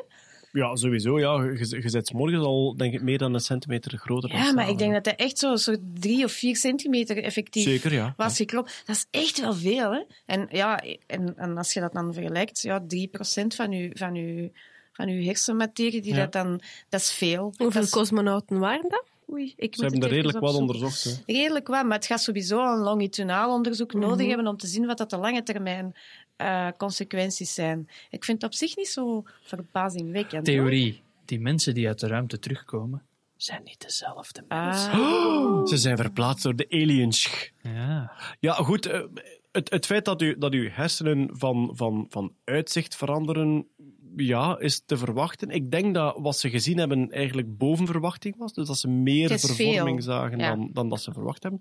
En de grote vraag is nu wat het doet met cognitieve Mm. processen. Mm. En op zich, ik vind, ik vind het eigenlijk wel redelijk spannend dat er hier bij ons in Antwerpen een, een professor zit, en, en Angelique zit ook, die echt gewoon cosmonauten en astronauten... Die Toen waren er vers- tien. Tien, ja. Dat er hier bij ons zo mensen zitten die echt astronauten die vers uit de ruimte gevallen zijn. Want ik heb, ik heb met Floris Wijts gebabbeld Ja. en dat gaat hem echt over landen, recovery, terug naar het centrum en onderzoeken. Hè. Dus Ja. dat is zo kort mogelijk op de landing Maar Angelique heeft onlangs ook die Marsmissie geleid. Hè? Die hebben in Polen een aantal dagen echt in een, in een kot verbleven. Ah. een, een simulatie van eh, ja. leven op Mars. Dus Ja. allee, wij zijn daar echt wel top of the world. En dat, dat passeert zo'n beetje, vind ik. Maar dat, dat vind ik zo heerlijk aan België. Ja, Ik dat bedoel, is waar. We hebben, nog altijd we hebben nog altijd het beeld van onszelf dat we de hobbits van Europa zijn. En als we dan zo ergens toch aan de internationale top kunnen aanraken, zoals zij dat nu doen, Ja. komt er toch zo'n soort trots van, wij bestaan of wat? Ja. Wij wonen echt in de wereld. Trouwens, Angelique van Ombergen, die ook actief is in het Science Communication circuit en die echt op podium staat en de uitleg doet enzovoort. Dus ja, waar dat wij altijd heel blij van worden. Stond Kunnen op Sound of Science vorig jaar. Alright, Ja. kunnen we die dan ook eens uitnodigen hier in de studio? Tuurlijk. Eigenlijk hadden we ze, eigenlijk hadden we ze deze maand moeten bij hebben. Dan gaan ze moeten lokken met een cosmonaut. Met een cosmonaut, ja. Een cosmonaut aan een vislijn. Ja. Kom, kom, kom, kom, kom. Ja, hier Floris en Angelique, een cosmonaut aan een vislijn. Ja, goed, ja, we zullen dat onthouden. En wel, ik ga nu even, want we hebben, we hebben nog een andere Belgische universiteit, eh, die van Gent, die dataopslag in een poeder gedaan heeft. Maar ik ga nu even, omdat het bij elkaar past, gaat het nu over isolatie. Een Marsmissie is in, in isolatie. Er is iets... ehm, erg en ook boeiend gebeurd in de wetenschapswereld. Namelijk, er is op Antarctica is er een Russische wetenschapper die een collega aangevallen heeft met een mes. Ja. Dus echt een soort... Hij is niet dood, denk ik. Het een ander Nee, hij leeft wel? nog, Oké, hij hij, leeft nog, maar het was wel een moordpoging. Ja. Het was duidelijk de bedoeling om te doden. Maar dus Antarctica, volledig geïsoleerd. Heel weinig wetenschappers die maandenlang in de kou met basisvoedsel op mekaarse kop moeten kijken. En psychologie van ehm, geïsoleerde groepen is uiteraard voor de NASA ook geweldig boeiend voor die Marsreizen die er hopelijk aankomen. En dus nu hebben ze wel een schone case. Er is een compleet geflipt en is met een mes, heeft met een mes zijn collega aangevallen. Maar wat is er eigenlijk juist gebeurd? Het is... heb jij het gelezen? Ik, ik heb het op HLN gelezen. ik- wat- het enige wat ik heb gelezen was dat, dat hij eh, de, de films aan het spoilen was die dat een andere wou zien. Ah, is dat- Ja. Dus die loopt daar rond. Oh. Hey, hey, hey, hey. Ehm, Kevin Spacey is Keizer Soze. Dum- Dumbledore dies. Ah, dat wist ik zelfs niet. Eltan, die een boot gaat zinken. Ik dacht dat er een vrouw in het spel moest Nee, geweest nee, het was zijn, maar... echt eh, gewoon- nee. Maar wat ik mij afvraag, waarom is dat dan nog nooit in de ruimte gebeurd? Of is dat wel gebeurd? In Zijn Omdat- er geen messen? De selectie voor astronauten is geweldig streng. Is Oké, geweldig. oké, maar dus, dus Maar dan het, nog, het, het, ja. het, het, het, het, eh, er is een naam voor, hè, dat syndroom. eh, Ergernis cabin of- fever. Cabin fever, Cabin ja. fever. Kan, je daarop kan je daarop testen dan bij, bij, bij wel, astronauten? Naar aanleiding van deze gebeurtenis hebben ze Dirk Vriemut ook geïnterviewd. En, ah, die. en hij, zei, hij zei van, kijk, in mijn opleiding ben ik daarop getest. ah, cool. Ja, ja. Hij zegt, ik ben daarop getest op niet alleen langdurig in afzondering zijn, maar ook, wat is uw graad van ergernis aan het gedrag van andere mensen? Wat voor mij weer confronterend is, want ik ga duidelijk nooit astronaut worden. Omdat bij mij die een meter, vanaf dat iemand een appel te luid opeet, die meter gewoon klets Stap, stap, in het stap. rood gaat. Voilà. Waar is mijn mes? Dus ik weet dat ik nooit astronaut ga worden. Maar dus, ze worden daar echt op getest. En ehm, ja, eh eh, Freya, een studiegenote van mij, die, die maandenlang op Antarctica gezeten heeft, en waar je dus echt negen maanden afgezonderd zit zonder vliegverkeer.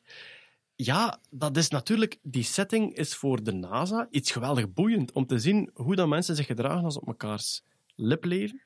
En ja, op een manier is het verwonderlijk dat nu pas gebeurt. Hmm.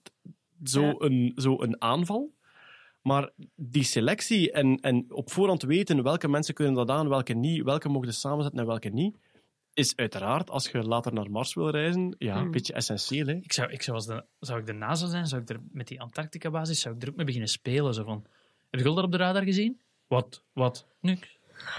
Oh, even Ja, testen zo. Gewoon ja. zo, zo Een beetje een Big ding. ja. Wat betreft het testen op ergernis, kan het spoilen van films voor anderen. Ja. Misschien was het gewoon een test. Hè? Misschien was die gewoon gevraagd van... Hey, Zie je wel? Zie je wel dat de wet niet aan kan? vertel de mensen hoe dat die aflevering van de kampioenen afloopt. Misschien wat hij doet. Twee nieuws is wel, er waren verwondingen, maar ze hebben er direct ijs op kunnen leggen. Dus.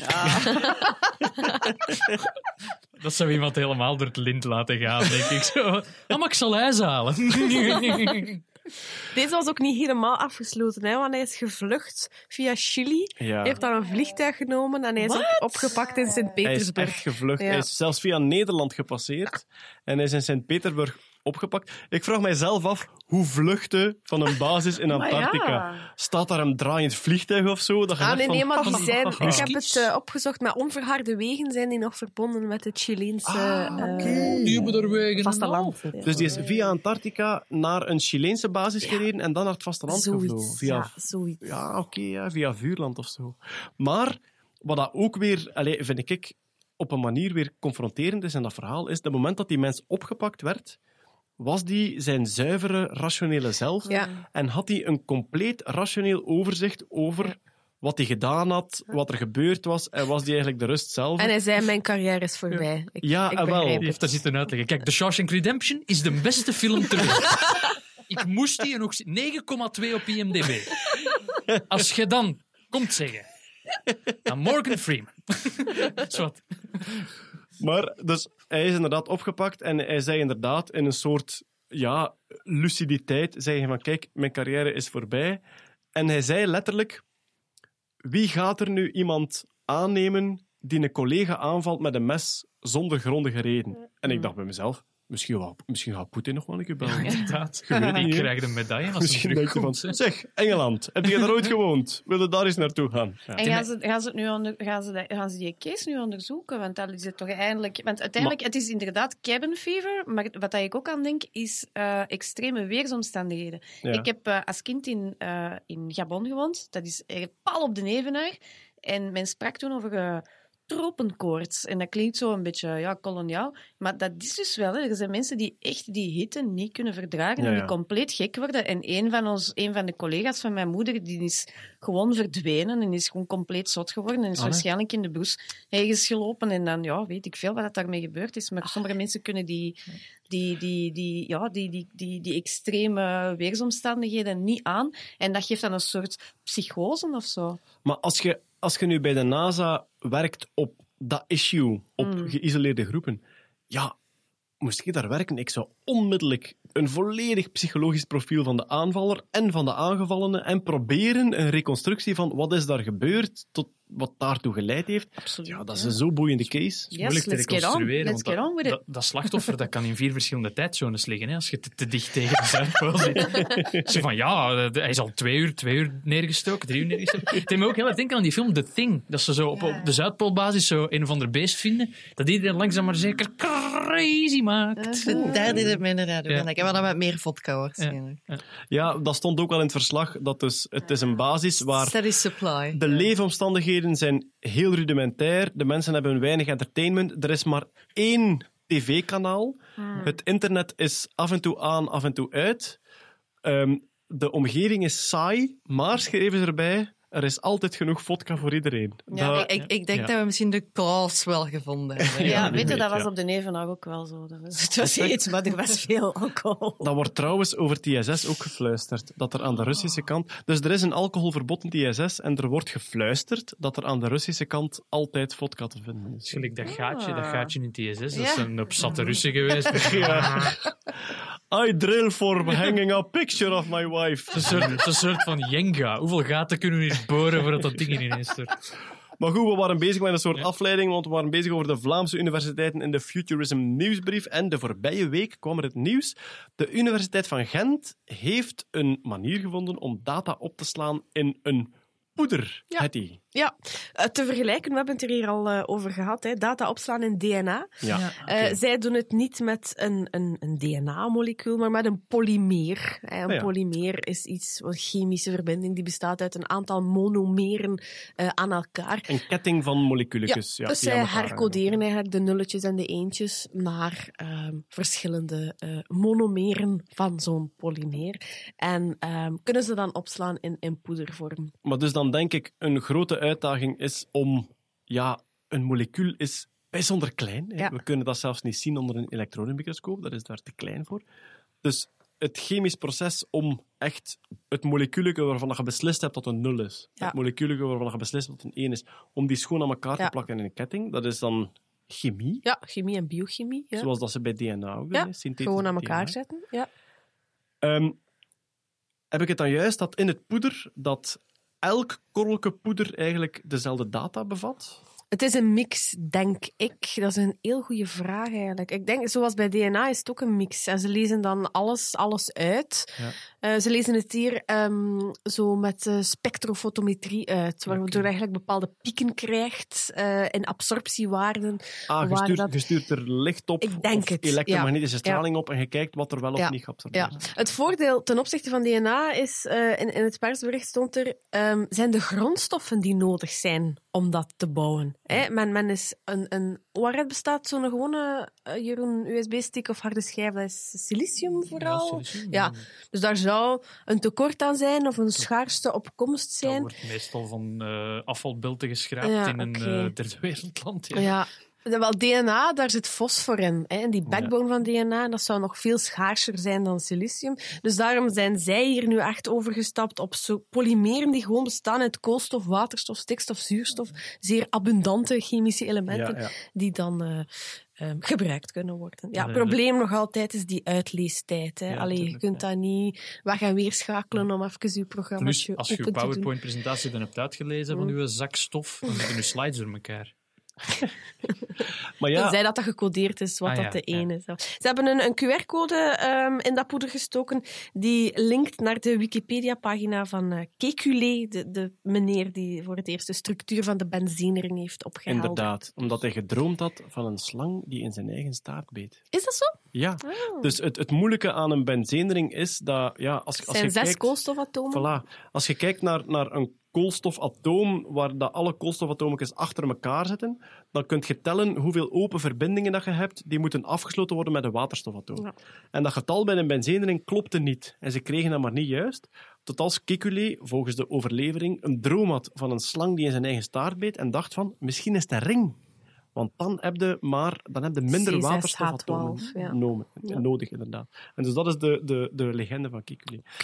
Maar ik vroeg me af, bij dat poeder, zou het een mogelijke toepassing zijn? En we moeten misschien, ja, ze wonen in Gent, we moeten misschien aan de ontwikkelaars zelf vragen. Dat je bijvoorbeeld rondloopt in een museum en in een bepaalde zaal hangt dat poeder gewoon in de lucht en je vangt dat op met je telefoon, waardoor dat je gestuurd wordt naar een bepaalde plek, bijvoorbeeld. Ja, we gaan dat best vragen, denk een ik. heel omslag. Ja, maar ja, ik zit gewoon te kijken naar toepassingen. Om, je, hebt, je hebt een poeder waarin dat je op zich weinig kilobytes opslaat, maar wel in allemaal afzonderlijke korreltjes die, die dezelfde data hebben. Ja. Ik denk dat het vooral richting lange termijnopslag Waarschijnlijk. Ah, ja, droge opslag. belangrijk Ja. eh, is. Niet Ja. onderhevig aan Ja. magnetisch eh velden. Of hydrolysatie. Of, eh, ja. Oké, we zijn al eventjes bezig. En dat betekent uiteraard dat het tijd is voor... Elon. Elon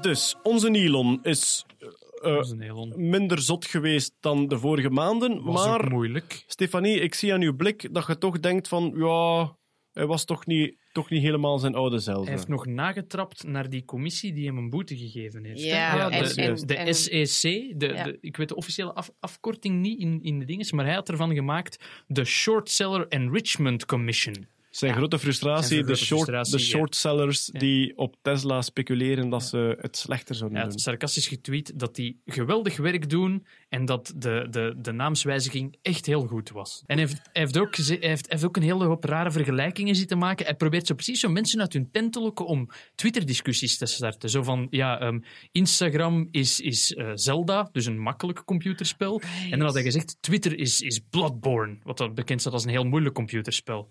En zo, zo heeft hij eigenlijk een hele hoop gamers in het harnas gejaagd. Om, hij is er zo precies een beetje mee aan het spelen. Ik denk dat hij aan het afkicken is. Ja, ik denk hij is het aan het afkicken en, en hij moet gewoon zo af en moet toe. Als hij dagelijkse zit er even naar de ja. wc. Zo even, ah. Ja. Wie was, het, wie was het dat zei dat zijn Twitter-zitter Kanye West was? Dat vond ik wel heel grappig. ja. Dat zou wel veel verklaren. Dat zou heel veel verklaren. Maar hij heeft ook eh, de laatste dagen in het nieuws geweest met dat de eerste tunnel van de Boring Company zou opengaan. In Begin LA. december, ja. Begin december. Je had een filmpje Cool. gestuurd van dat je erdoor kunt rijden. En er was een opening party waar je naartoe kon. Oké. Let's go there. De Ja. eerste tunnel van de Boring Company, ja. het zou op zich ook, ook weer een mijlpaal zijn. Want ja, allee, de Boring Company is vrij snel opgestart, maar dat dat nu al Ja. echt ja, performant zou zijn en, en ja, in actie zou treden, zou toch heel snel zijn. En in het negatievere nieuws heeft hij van alle Tesla Model 3. Het was nog altijd het plan dat die volledig zelf autonoom zouden rijden. Dat stond zo op de website en dat Ja. stond in de featurelist beloofd. En dat hebben ze nu laten vallen. Dus het Ja. volledig zelf rijden is geen belofte meer voor de Tesla Model 3. Hij heeft inderdaad van de Model 3 heeft hij een paar van zijn moonshot-beloftes ingetrokken om het realistischer te maken, omdat dat natuurlijk een beetje een, probleemkind was al een tijdje van, van Tesla. Maar het is nu in orde aan het geraakt. Nee? De productie draait Ja, eindelijk op het niveau dat ze zou moeten draaien. Ja. Een jaar later. Ja, dat klopt. Maar verder op Twitter heeft hij ook een beetje eh, zijn typische speelse onnozele tweets gelanceerd. Namelijk, ze gaan een, een eigen tequila-lijn starten. Dus na snoep en vlammenwerpers komt er nu ook een Tesla, Tesla tequila. Kila. Tesla Kila. Tesla Goed te-. Dus het is goed self-driving eh, option. Ah ja, voilà, ideaal. Ja, ja, absoluut. Het is goed te combineren met s'avonds laat in uw bed mensen op, op Twitter pedo's noemen. Ook. Ja. Maar Tesla Kila heeft hij gelanceerd tijdens zijn mislukte aprilgrap.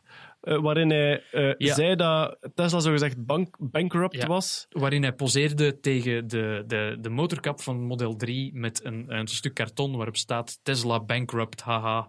En daar stond toen bij als grap: eh, eh, Elon was found eh, amidst several, veel kilo. Ja. several empty bottles of Tesla Kila. Ja. En toen dacht hij: we maken het gewoon echt. Het is moeilijk om een, een, een Elon-scepticus te zijn deze maanden, want ja, hij heeft nu alle dieptes aangeboord, waardoor dat we eigenlijk niet meer kunnen zeggen van zie wat dat hem nu doet.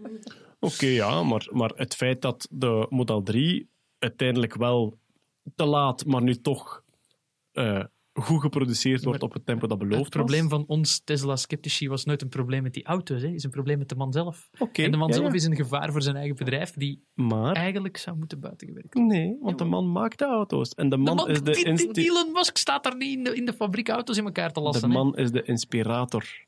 De man is de inspirator. En hij heeft nu ook gezegd dat binnen zes weken krijgen de Tesla's die, die er nu al zijn, dus dat is dan wel S en X waarschijnlijk, die Tesla's die er nu al zijn, die krijgen een soort oproepfunctie. Dat je kunt zeggen van, auto, kom naar hier. Geduwd op je The Night sleutel. Rider. Ja, ja, geduwd op je sleutel en de auto rijdt uit de parkeerplaats en komt tot bij u. En als je rondwandelt op straat, volgt hij u Oh my god. als een puppy. De auto volgt u. Daarbij, dus binnen zes weken zal dat komen, daarbij een extra feature. Je zou met je telefoon je auto kunnen besturen zoals een auto op afstandsbediening. Dus dat je echt kunt zeggen van rechtdoor naar links Oh. naar rechts. Ik hoop dat ze daar veiligheid ingebouwd hebben dat die nergens tegenbotst. Maar je kunt dus rondrijden met je auto zoals dat je wilt. En het werkt enkel als je line of sight hebt met je auto. Technisch gezien is dat niet nodig. Je zou kunnen vanuit China je auto besturen in New York. Maar uiteraard, om veiligheidsoverwegingen lijkt dat niet zo'n goed idee dat je een auto kunt laten doen wat je wilt als je er niet bij bent. Maar daar was denk ik vandaag een filmpje van eh, iemand uit zijn appartement die een Tesla had en de parkeerplaats voor zijn appartement komt vrij en hij stuurt gewoon zijn auto een parkeerplaats Oh, achteruit, waardoor dat hij dan voor de deur geparkeerd staat. Nice. Ja, voilà, dat komt Ik wil er dus daar ook aan. gewoon mee Ja. praten. Dan is het echt gewoon Kit van Night Rider. Hè? Ja. En ja, de Model 3 is nog steeds niet in Europa. Ik denk dat ze nog vooral Amerikanen aan het voorzien zijn van hun prebestellingen. Maar ik kijk er zo naar uit, Jeroen. Ik kijk Ga er zo naar ga uit. iedereen kopen, lieve. Ja, absoluut. Ja, ja, absoluut. Ja? Ja? Ja, Als, als de Model 3 in Europa is en hij is betaalbaar, hè? Wat is zo de Wat is recht, betaalbaar? rechtprijs? we dan mee rijden? Oh, maar natuurlijk. En mogen Maar we er dan mee spelen? Ja, wel, dus, dus, Mogen de Musk-sceptici ook meer... oh, Jeroen, je mag absoluut meerijden, maar ik ga wel een tekstje schrijven dat je officieel met de hand op het hart moet voorlezen voordat je instapt. Fine. Nee, ja, eh, Jonas, mijn buurman en ik, eh, wij, wij hebben elk onze oude auto weggedaan en we zijn nu aan het kijken om gezamenlijk een elektrische te kopen. En dus ofwel wordt dat een van de momenteel beschikbare elektrische auto's, Hmm. ofwel wachten we nog eventjes, maar ja, eventjes, je weet nooit hoe lang dat eventjes duurt. In welk kamp zit Jonas? Jonas is, ehm, ehm, ik denk niet dat Jonas echt met, met, met, met Musk. Ik zou het heel grappig vinden, zou een Musk, een Musk niet-scepticus een auto moeten delen met een Musk-scepticus. Ah, wel, maar Jonas luistert ook naar de podcast, dus ik had Ach, hem gewoon eens vragen. Want Ja. als je luistert naar onze discussies, dan moet je toch Dan partij je toch een gekozen hebben. kiezen, dat kan toch niet anders. Beste luisteraars, hier volgt een mededeling door Lieven vanuit de montagekamer.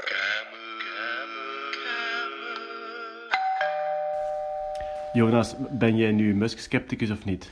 Ik ben eigenlijk geen Musk-scepticus, omdat het is sowieso een rare kwit en een excentriek persoon, maar op basis van wat die mens en zijn bedrijf, bedrijven al verwezenlijkt hebben, vind ik niet dat je daar sceptisch tegenover kunt staan, eigenlijk. Maar er is wel een drempel om in een Tesla te rijden. Ja, dat wel. Oké, we zullen zien. Einde bericht.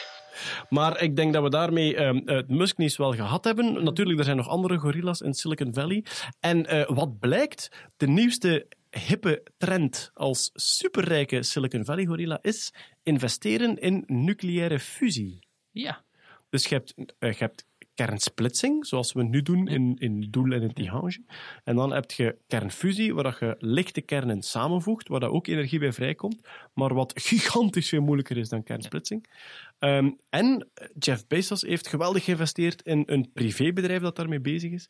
En eh, Bill Gates ook. Dus het is echt zo hip en trendy. De CEO van het bedrijf waar Jeff Bezos in geïnvesteerd heeft, die zegt: The SpaceX moment of nuclear fusion is coming. Dus dat is echt van wat SpaceX gedaan heeft, is. De overheid heeft het jarenlang geprobeerd. Wij doen het nu met een privébedrijf en we doen het beter en efficiënter. En hij zegt datzelfde moment voor nucleaire fusie komt eraan. Dat is, een- dat is al jaren een pipe dream. Hè. Dat is Ja. de, ze zeggen het, de kracht van een ster in je zak, bij wijze van spreken. Ja. Omdat het zo'n... Ja, Wel, nucleaire fusie inderdaad, dus je brengt lichte elementen samen. Het probleem daarvoor is dat je gigantisch veel energie nodig hebt om ze samen te krijgen, net zoveel als in de zon.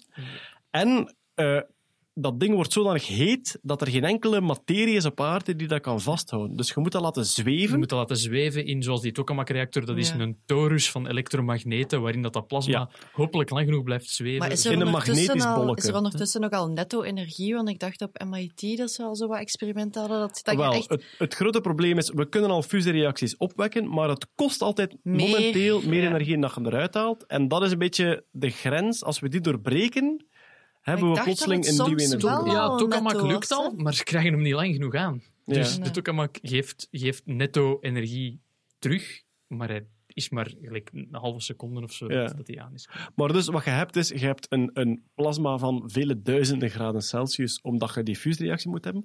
Maar je moet dat wel laten zweven in een soort magnetisch veld, zodat er niets anders smelt. En om dat magnetisch veld op te wekken, heb je supergeleidende magneten nodig. Die moeten gekoeld worden naar eh, lager dan min 250 graden. En dus je hebt op ehm, twee meter van elkaar heb je een object nodig dat min 250 graden Celsius is en een object nodig dat een paar duizend graden Celsius is. Dus technologisch een immense uitdaging. Maar in Nederland wordt er onder andere in Eindhoven wordt er onderzoek gedaan naar de materialen die nodig zijn. En ik heb daar gesproken met een ingenieur en die zegt van kijk, kernfusieonderzoek op dit moment is materiaalkunde. Namelijk, kunnen we nieuwe materialen ontwikkelen die die hitte aankunnen, die beter supergeleiders zijn enzovoort. En die zei toen, dat was twee jaar terug, en die zei van, voor mij is dat een open vraag. Ofwel vinden we binnen een paar jaar echt wat we nodig hebben, ofwel moeten we concluderen, het gaat niet lukken. En volgens de optimisten op dit moment, het onderzoek gaat snel vooruit en de optimisten zeggen, zijn, zeggen we zijn op weg naar de materialen die we nodig hebben en een efficiënte fusiereactor. Het enige om pessimistisch over te zijn is dat het al 30 jaar beweerd wordt. En Ah, het, wel, ja, dat, hetgeen ja. waar andere mensen ook pessimistisch over doen, is dat dit ook het label kernenergie krijgt. En dat kernenergie als Oh. energiebron Oh. een- door de jaren heen een slechte bijklank ge- gekregen heeft. Dat is geweldig boeiend, omdat dat soort dingen worden altijd ideologisch in een vak gestopt. En je hebt de ecomodernisten die zeggen van kijk, wij omarmen dat, want dat is een CO2-vrije energie. Je hebt dan inderdaad de mensen die zeggen van kernenergie is slecht, we willen daar vanaf, ook al is het een nieuwe techniek. Kernfusie is niet kernafvalvrij. Hè? Dus daar wordt nog altijd kernafval geproduceerd. Alleen het is veel minder dan kernsplitsing en het is ook veel minder lang actief. Nee, maar echt Dus verschillende grote orders. maar ja, echt We het absoluut groot. Je hebt het over honderden jaren in plaats van honderdduizenden jaar. Maar ehm, het is een moeilijke afweging en mensen zijn heel slecht in gradaties van. Mensen willen heel graag zwart of wit. Ik ben daarvoor of ik ben daar tegen. En het gevaar dat er heel snel gekozen wordt van ik ben tegen kernenergie, dus ook tegen dit, is redelijk groot. Maar hoe is het Ja. eigenlijk met veiligheid? Want kernsplijting is aan zich tussen haakjes gevaarlijk, want dat kan oncontroleerbaar worden en dan krijg je like, een Ja. bom, zeg maar. Maar kern, kernfusie, eigenlijk, dat kan volgens mij niet echt uit de hand lopen. Of zit ik daar? Ah, wel, ik vind dat een geweldig belangrijke vraag. Ik denk, ik ben het niet zeker, gaan een oproep naar de luisteraars die daar misschien in, in thuis zijn. Ehm, eh, ik denk persoonlijk dat als een kernfusiereactie misloopt, dat die stilvalt, denk ik. Ja. Terwijl een Mhm. kernsplitsing, ja, Daar dat blijft heel lang hand. actief, Ja. wordt heel Ja, lang blijft, warm blijft enzovoort. dingen zodat uw reagentie op zijn. Hè. Een, kerns, een Ja. kernsplitsing. Mhm. Dus Dus ik alles hoop, stopt, maar ik, ik hoop en ik denk eigenlijk wel dat een Fukushima of Tsjernobyl niet, niet mogelijk is. Ja, met want dat zou wel een belangrijke pro Ja. zijn voor. Maar langs de andere kant, er zijn wel al atoombommen gebouwd met kernfusie natuurlijk. De waterstofbommen zijn gebouwd Ja. met... Dus je kunt er wel lelijke dingen mee doen. Bon, ehm, mijn, mijn belangrijkste conclusie is... ehm, ideologie is een geweldig grote factor hierin. En ik vind het moeilijk... Ik, ik wil er vol voor gaan, maar het is moeilijk om daar een zuiver hoofd bij te houden en nu niet ideologisch naar de ene of de andere kant te laten duwen over zo'n onderwerp. over Jeff Bezos gesproken trouwens, want daar starten we mee. Ja. Het, is, eh, het stond in een krantenartikel dat de, de 100 rijkste mensen ter wereld vorig jaar eh 11% meer verdiend hebben dan het jaar ervoor. Oh, dus wauw. de rijke mensen worden nog steeds alleen maar rijker. Congratulations. En in de warenhuizen van Amazon plassen nog steeds werknemers in een plastieke bekertje, omdat ze geen wc-breaks kunnen. Ben je Bezos-scepticus ook? Ik- eh, sorry, maar ik, ik- je kunt niet en rondlopen met een spot mini en investeren in kernenergie en tegelijkertijd je werkers onderbetalen. Dat, dat gaat niet, sorry. True story. Daar valt zeer veel voor te Voilà. zeggen. Fight the power. Yeah. Goed, we hebben nog enkel Google-nieuws waar dan een grote staking was. Wegens, een, ehm, ja, wegens een veel te slappe reactie tegen seksueel overschrijdend gedrag. Ja. Maar het gaat dan wel over de topmensen, denk ik. De- Hè? Wat typisch is. topmensen, maar door het hele... Waarom zitten jullie naar elkaar te wijzen? Zijn jullie elkaar aan het beschuldigen van seksueel grensoverschrijdend gedrag? Nee, Op een zeer onsubtiele manier. kijk Het is een whisper network Ah, ja, ja. in action. Wat ik meegekregen heb, is eh, er zijn eh, dus op een bepaald tijdstip wereldwijd werknemers eh, hebben het werk neergelegd, zijn naar buiten gewandeld, omdat er ging het over één, één iemand die dan als symboolcase gebruikt werd, één iemand van echte top Ja. Die een ontslagvergoeding gekregen had en ehm, eh, onder de radar weggestuurd Een was. van de mensen die aan de wieg stond van het Android-project is inderdaad eh buiten gebonjourd nadat het zeer duidelijk was dat hij in het verleden wel losse handjes eh, Maar en ook... buitengebonjourd met een hele mooie Ja, ja, ja, natuurlijk. Ja, maar een, een gouden rugzak. Ja. En de protesters nu eisen een duidelijker, eh, duidelijker, eh, duidelijkere regels van Google over seksueel grensoverschrijdend gedrag en vooral een duidelijkere procedure voor wat dat ermee gebeurd wordt. Een open en transparante procedure. Want het is nu vaak dat je een klacht gaat indienen, dat dat ergens ver boven je hoofd behandeld wordt. En dan ja, wordt er misschien wel iemand buiten gebonjourd, maar je hebt er zelf weinig say in, in Ja. wat dat er gebeurt. En dat moet Oké. duidelijker gebeuren. Goed. Ja, de bedrijven in Silicon Valley, ze doen allemaal hun gekke dingetjes, hè? Allemaal een gekke dingen. Maar we blijven het in de gaten houden. Eh, dat besluit het Musk-nieuws. En dan gaan we eh, nog over naar ons ruimtevaartblokje. Er was eh, eigenlijk wel redelijk wat te doen in de, in de ruimtevaart de voorbije maand. Ik denk de belangrijkste was toch een noodlanding van de Soyuz. De Soyuz werd Ja. gelanceerd. Er ging vrij kort na lancering iets mis.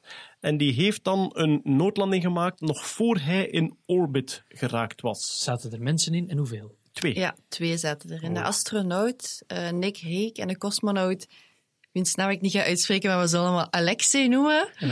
Eh, en die zaten inderdaad in Soyuz, die waren op weg naar, naar het ISS voor, eh, voor een missie van zes maanden. Ehm, en na twee, twee minuten, geloof ik ongeveer, is de Soyuz ehm, in ballistic re-entry mode gegaan. Dat is een soort safety-procedure. Ehm, want er was een failure aan de boosters. Dat was het enige dat ze op dat moment wisten. Ehm, de astronaut en de cosmonaut zelf, die zeiden van... Ja, we hadden like, door dat er iets mis was, want ineens waren we zo gewichteloos, precies. Dus er was Dus geen trust meer, ja, er was geen power meer. Super freaky zijn geweest, wel, als je inderdaad in zo'n klein cabine onderweg bent, met een Ja. raket onder je gat, en ineens zit je gewichteloos en weet je... Fuck. Ja, dus... ehm, en die zijn dan inderdaad in, in de ballistic re-entry mode gegaan, noemt dat. Dus dat wil zeggen, je hebt, je hebt geen enkele sturing meer, maar gewoon je ballistisch parcours van de impuls die je hebt, leidt u tot een ja, landing. Ja. aan zich is het niet eens zoveel anders als een gewone re-entry. Want Ja. dat, ik zag veel mensen tweeten zo, oh, die zijn in vrije val. Maar ja, die zijn te koer in vrije val, ook als, ze, Ja. ook als ze gewoon terugkomen. Wel, het is eigenlijk geen hoek- vrije val, omdat je zoveel weerstand hebt van je, van je, Ja, van, ja, van, ja, van, dat is van die atmosfeer. hè. Maar de hoek is anders. De hoek waarop ze binnenkomen Ah, is ja. anders. En daardoor zijn die blootgesteld aan veel meer G-krachten. En dat kan... Ja. eh, Te veel G-krachten kunnen dodelijk zijn. Trillingen en zo. Er zijn ook filmpjes waar je ziet in de cabine dat die super hard aan het trillen. Er ik zijn niet- filmpjes Ja, ja, Ja. ik kon het niet volgen. Dat was, Wow. dat, Ja, dat is- ja, dat- het was, was. En ik heb, ik heb in een artikel gelezen dat ze waren blootgesteld aan G-krachten tot 7, tot Holy 7G. shit. Normale mensen die gaan op, op 5G, gaat je wel echt bewusteloos Ja. zijn. gezien. Maar dat die ze- zijn er dat wel ze op die niet van binnenin hebben moeten eruit schrapen. Dat Ja, die kwamen daar blijkbaar redelijk oké uit. inderdaad. Alexei of Chinin. Ja, Alexei voor de dus. vrienden. Ehm, en wat was nu... Het probleem was een, een deformation of a sensor part. En dat zou tijdens de assembly gebeurd zijn. Dat is het... Ja, dat is het beste allee, dat, we, dat we tot nu toe weten daarover. Eh, ik neem aan dat dat onderzoek nog wel even gaat voortduren, want dat, zou, dat is ook met andere Soyuz-raketten kunnen gebeuren. En dat willen ze voorkomen. Dus het grootste probleem is nu dat, dat allee, die twee die gingen ISS-crew aflossen. Ja. Want die zitten daar al super lang, sinds juni vorig jaar. Maar die crew zit daar nu boven een beetje gegijzeld. Die zouden naar beneden kunnen komen, maar dat is ISS onbemand en dat kan eigenlijk niet. Dat, ah, wel, dat kan technisch gezien wel. Ja. Maar hetgeen dat je zegt is een geweldig belangrijk probleem. Op dit moment, wat dat logisch is, er is een failure geweest, dus er worden geen bemande missies meer gelanceerd met Soyuz voordat ze 100% Ja. weten wat daar gebeurd is. Maar er zit nu drie man in het ISS en de Amerikanen hebben geen bemanningscapsule meer. Nee, nee, alles gaat via de, via de Voilà, Soyuz. de Dragon is nog niet af, dus die moeten daarop wachten. Die mannen in het ISS die zitten daar. Ehm, op zich hebben die genoeg supplies om daar eigenlijk nog een jaar te zitten. Maar er hangt een Soyuz aan het ISS. Er hangt altijd een Soyuz aan het ISS als ontsnappingsmodule. hè. Als het ISS ontploft of in brand vliegt, kunnen ze altijd weg via een Soyuz. Dat was ook wel dat gaatje. trouwens. Ja, inderdaad. Wel, dat is die- dat dat is- ook nog. Dat is die capsule, die hangt daar nog. Maar een Soyuz-capsule heeft een ehm, houdbaarheidsdatum. Die is Ja. goedgekeurd tot een bepaald punt. Dat is dus december dit jaar. Januari is het Ze zijn die moeten gaan ja. uitlezen buitenaf van die capsule. Dat is superveel moeite. Ja, via een streepjescode. toet, toet. Dus die Soyuz die er nu hangt, is die met het gaatje erin. Nu, het, gaatje hebben ze, het, het stuk waar het gaatje in zit, hebben ze niet nodig voor de re-entry. Dat wordt daar ja. Dus dat is niet belangrijk. Maar in januari moeten zij terug, anders is de Soyuz over datum. En als tegen januari het probleem niet opgelost is en er geen nieuwe gelanceerd kan worden, zal het ISS onbemand zijn. Maar dat is technisch mogelijk. Dat is technisch mogelijk, maar wel een groot probleem. Ik had gelezen van de astronaut Hatfield, die zei van, aan zich kan, allee, kan op autopiloot kan dat Alles ISS kan verder remote gaan. gestuurd worden. ja. Maar het probleem is, er gebeuren wel vaker zo kleine technische mankementjes en mechanische. En als niemand er is om dat meteen te fixen, dan gaat dat heel snel deterioraten. En wie weet Ja. naar waar je dan terugkomt. Ja, ja, maar dat klopt. Maar dus, ik, ik vind het wel op een manier beangstigend, maar ook wel boeiend. Het zou kunnen dat, die, dat het ISS een tijdje onbemand gaat rondvliegen. En als je daar dan terug naar, naartoe vliegt, de eerste astronauten die daartoe komen, dan zijn eigenlijk zo gelijk dat je een zomerhuisje Ja, laten overwinteren hebt en je komt binnen en zo alle spinnenwebben... Ik weet niet, als- maar ik was eerder aan Alien en of inderdaad. Ja. je komt op een vreemd Die ruimtetuig plaskots en... was hier nog niet toen we vertrokken. Ja, als, als, er, als er spinnenwebben hangen, zou ik me inderdaad wel zeggen. Maar, als, als, zeker als je de meest recente Doctor Who Zeg aflevering maar, gezien die, die sensor, Was er toevallig een gaatje ingeboord met een kleine handboor? Maar ehm, ik heb vroeger heel vaak van die Space Shuttle lanceringen gevolgd en dan krijg je zo alle mogelijke, ehm, alle mogelijke abortprocedures. Dus eerst wordt er gelanceerd, als er iets misgaat, wordt er afgebroken en eerst moesten ze landen in Spanje, daarna in Turkije en daarna was het dan nog iets verder, denk ik, en daarna was het abort to orbit. Dus als je ver genoeg zit in je lancering en er gaat iets mis, moet je gewoon naar een stabiele baan om de aarde En dan en dan moeten ze een andere raket sturen om je te komen halen. Wauw. Ik denk dat dat een leugen is. Ik denk Dat dat, ze gewoon laten creperen dansen. Ja. Ja, ik weet het niet. Maar dus bij, nu halen ze. bij de Space Shuttle missies stond er altijd een extra Space Shuttle in reserve die op korte termijn klaargemaakt kon worden om een gestrande crew te gaan halen, zo gezegd. En eh, zo, eh, ja, eh, ballistic re-entry, hetgeen dat nu gebeurd is, dat was dus in, in... Dus bij elke Space Shuttle-lancering stond er zowel in Spanje als in Turkije een volledige crew klaar om die landing te begeleiden als er iets zou misgaan. En die zijn nooit nodig geweest, want dat is nooit gebeurd. Ja. Oh. Maar waar zijn ze nu geland eigenlijk, bij die ballistic Ehm, re-entry? ze waren niet zo ver van, de, van, van in Baikonur zijn ze, ehm, zijn ze gelanceerd. Ja. Het was niet heel ver daarvan af eigenlijk. Het was, het was nog in Rusland, het was nog in, in de buurt ergens. Ah, oké. Ja. Ja. het was niet super. Ze konden nog met een bus naar huis. eigenlijk. Ja, ja. Oké, ja, ça va. Kun je eens komen halen? Ander ruimtevaartnieuws. Het snelheidsrecord voor een door mensen gebouwde onbemande sonde is gebroken deze maand. De, het, was eigenlijk de, het vorige snelheidsrecord was de Helios 2. Niet toevallig een sonde die naar de zon gestuurd wordt. Want uiteraard, als je naar de zon gestuurd wordt, krijg je steeds meer zwaartekrachtsenergie cadeau terwijl dat je naar beneden valt. Dus je gaat steeds sneller. En de vorige was de Helios 2, een Amerikaans-Duitse sonde, die tot net onder de 70 km per seconde ging. Per seconde. Dus Gent-Brussel net iets onder de seconde. hè. Ehm, En daar is de. Ja, daar, daar kunnen we enkel van dromen, Jeroen, dat is waar. En nu de Parker Solar Probe, dus een nieuwe sonde die gestuurd is en die de, de zon gaat bestuderen, maar ook de zonnewinden en de corona van de zon gaat bestuderen. Die heeft dus nu, ze is nu bezig met haar eerste orbit rond de zon. Ze maakt een soort hele grove ellipsbeweging rond de zon, waarbij ze telkens heel dicht bij de zon komt en dan er redelijk ver vanaf gaat. Maar ze komt veel en veel dichter dan Mercurius, de dichtste planeet. Ehm, en nu, eh, dus deze maand, heeft ze, is ze over die 70 km per seconde gegaan. Die blijft roteren rond de zon tot in het jaar 2025, steeds dichter erbij. Uiteindelijk gaat ze 6 miljoen kilometer dicht komen. Oké. Wij zitten hier op, ik denk, 150 miljoen of zoiets. En eh, Mercurius zit ook zoiets op een 90 miljoen, ik weet het niet juist. Maar dus, of 60 miljoen, zoiets zal het zijn. Ja, dat is Maar- super dichtbij. ja, eigenlijk. 6 miljoen is 10 keer dichter dan Mercurius. Dat is echt... Ja, dat is vlakbij. Ook die sondes gaan meestal kapot door gewoon ja, gebarbecued te worden Ja. door de zon. Ehm, het absolute snelheidsrecord van die sonde wordt verwacht in 2025. Dan gaat ze 190 km per seconde. dus eigenlijk België overvliegen in twee seconden. Nee, nee, nee, nee. Ja, voilà. Ja. Maar dus een, eh, een, een nieuw recordje. En Zowel heeft die de... zonde er last van, van zo snel te gaan? Nee, Nee. sne- snelheid is altijd relatief. Dus je, hebt no- je hebt nooit last van je absolute Er is snelheid. ook helemaal geen weerstand. Nee, voilà, het is geen- ermee. Ja, een beetje zonnewind wel, denk Ja. ik. Maar ik denk dat ze veel meer last heeft van straling van de zon. Mhm, Al die Dan, eh, deeltjes. ja, dan van En snelheid. wat gaat hij er de doen? Ja, de zon bestuderen. Ehm, de, dus de, de zon stoot zijn, zijn corona uit. Dus een soort eh, ehm, ja, atmosfeer is dat niet, maar materie die uitgestoten wordt. En de zonnewind wordt nog versneld door de zon zelf. En dat willen ze onderzoeken. Blijkbaar, de zon stoot een soort warmte uit die die zonnewind nog versnelt. En ze willen kijken hoe dat, Dat is zeker omdat dat ook een impact heeft op, op aarde bij ons. Ja. Dat, dat, want dat is een, een NASA-project volgens mij. Dat die willen gaan kijken inderdaad van welke impact heeft dat nou echt? Hoe kunnen we daar iets kunnen we dat controleren? Hoe kunnen we daar meer over weten?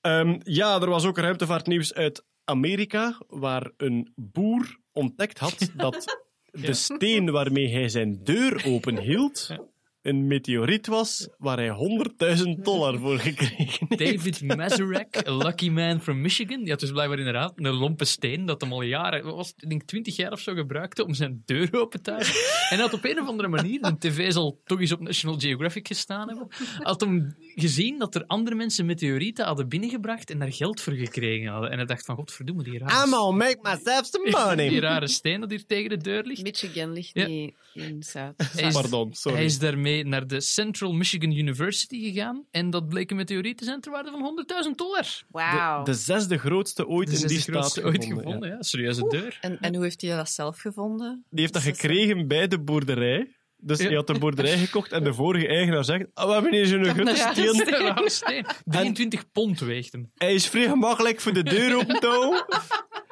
En hij had gevraagd van, hoe heb je die steen gevonden? Ah, wel, in 1930 was er een grote lichtflits en een bonk.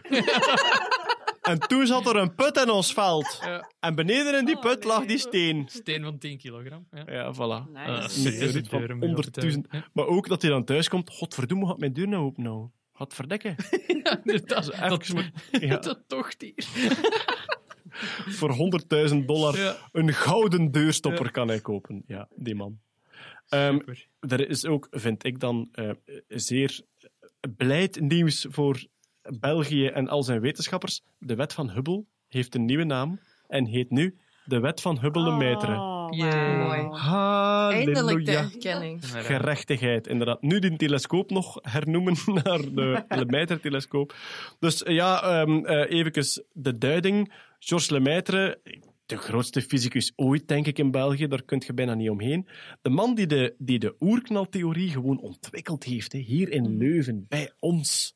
De oerknaltheorie. En die op een bepaald moment door zijn observaties zag van, kijk, hoe verder een sterrenstelsel van ons verwijderd is, hoe verder het wegvliegt van ons. Dus die een beetje de expansie van de kosmos ontdekt had. Als een sterrenstelsel heel, ver van, heel snel van ons wegvliegt, heb je roodverschuiving. Net zoals bij een ambulance het geluid verandert als die naar je toe komt of van je Doppler. Doppler-effect. Ja. Heb je ook door de relativiteitstheorie met kleur. Als iets geweldig snel van je wegvliegt, verkleurt dat een beetje naar het rood. Dus hij heeft dat gezien en hij had toen eigenlijk gezien van hoe verder iets van ons afstaat, hoe meer het rood verkleurd is. Dus alles beweegt sneller en sneller van elkaar weg. Heeft die wet gepubliceerd, helaas in een Franstalig tijdschrift, wetenschappelijk tijdschrift. Hubble heeft dat twee jaar later gepubliceerd in een Engelstalig tijdschrift. En wat krijg je dan? De wet van Hubble, uiteraard. Dat is jarenlang zo geweest. En deze maand heeft de eh, Internationale Astronomische Unie beslist van kijk, vanaf nu is het de wet van Hubble-Meitre. Want hij was eigenlijk eerst. En Hubble mag erbij blijven, want hoe, laat ons duidelijk zijn, Hubble is een geweldig eh, belangrijke en verdienstelijke kosmoloog, dus we moeten die daar ook, allee, we moeten er ook geen afbreuk aan doen. Maar dus vanaf nu is het officieel de wet van Hubble-Meitre. Wel, Het is ook grappig, want je hebt inderdaad gezegd van hoe, hoe verder sterrenstelsels dan er afgaan, afstaan, hoe sneller die weggaan. En Lemaitre heeft dat eigenlijk ook omgekeerd en zo is hij op de Big Bang gekomen. Ja. Zo, dat moet van een bepaald punt dan vertrokken zijn allemaal. En dat is zo de theorie hebben. Als alles nu wegleeft van elkaar, moet het oorspronkelijk in één punt vertrokken zijn. Ja, ja, Dat is zo, ik vind dat zo een super elegante, simpele, logische theorie. Ja. Ik vind het super mooi. Maar er is nog zoiets, en ja, ik, ik ben, ja dat, dat vervult mij zo met een soort warme trots op de Belgische volksaard. Hè. Dus Lemaitre publiceert dat in, ik denk dat 27 was, 1927. Twee jaar later publiceert Hubble dat. En enkele jaren later wordt Lemaitre zijn artikel in een vertaling gepubliceerd. Waardoor dat eigenlijk duidelijk wordt van, hij was eerst, want die datum staat er ook bij.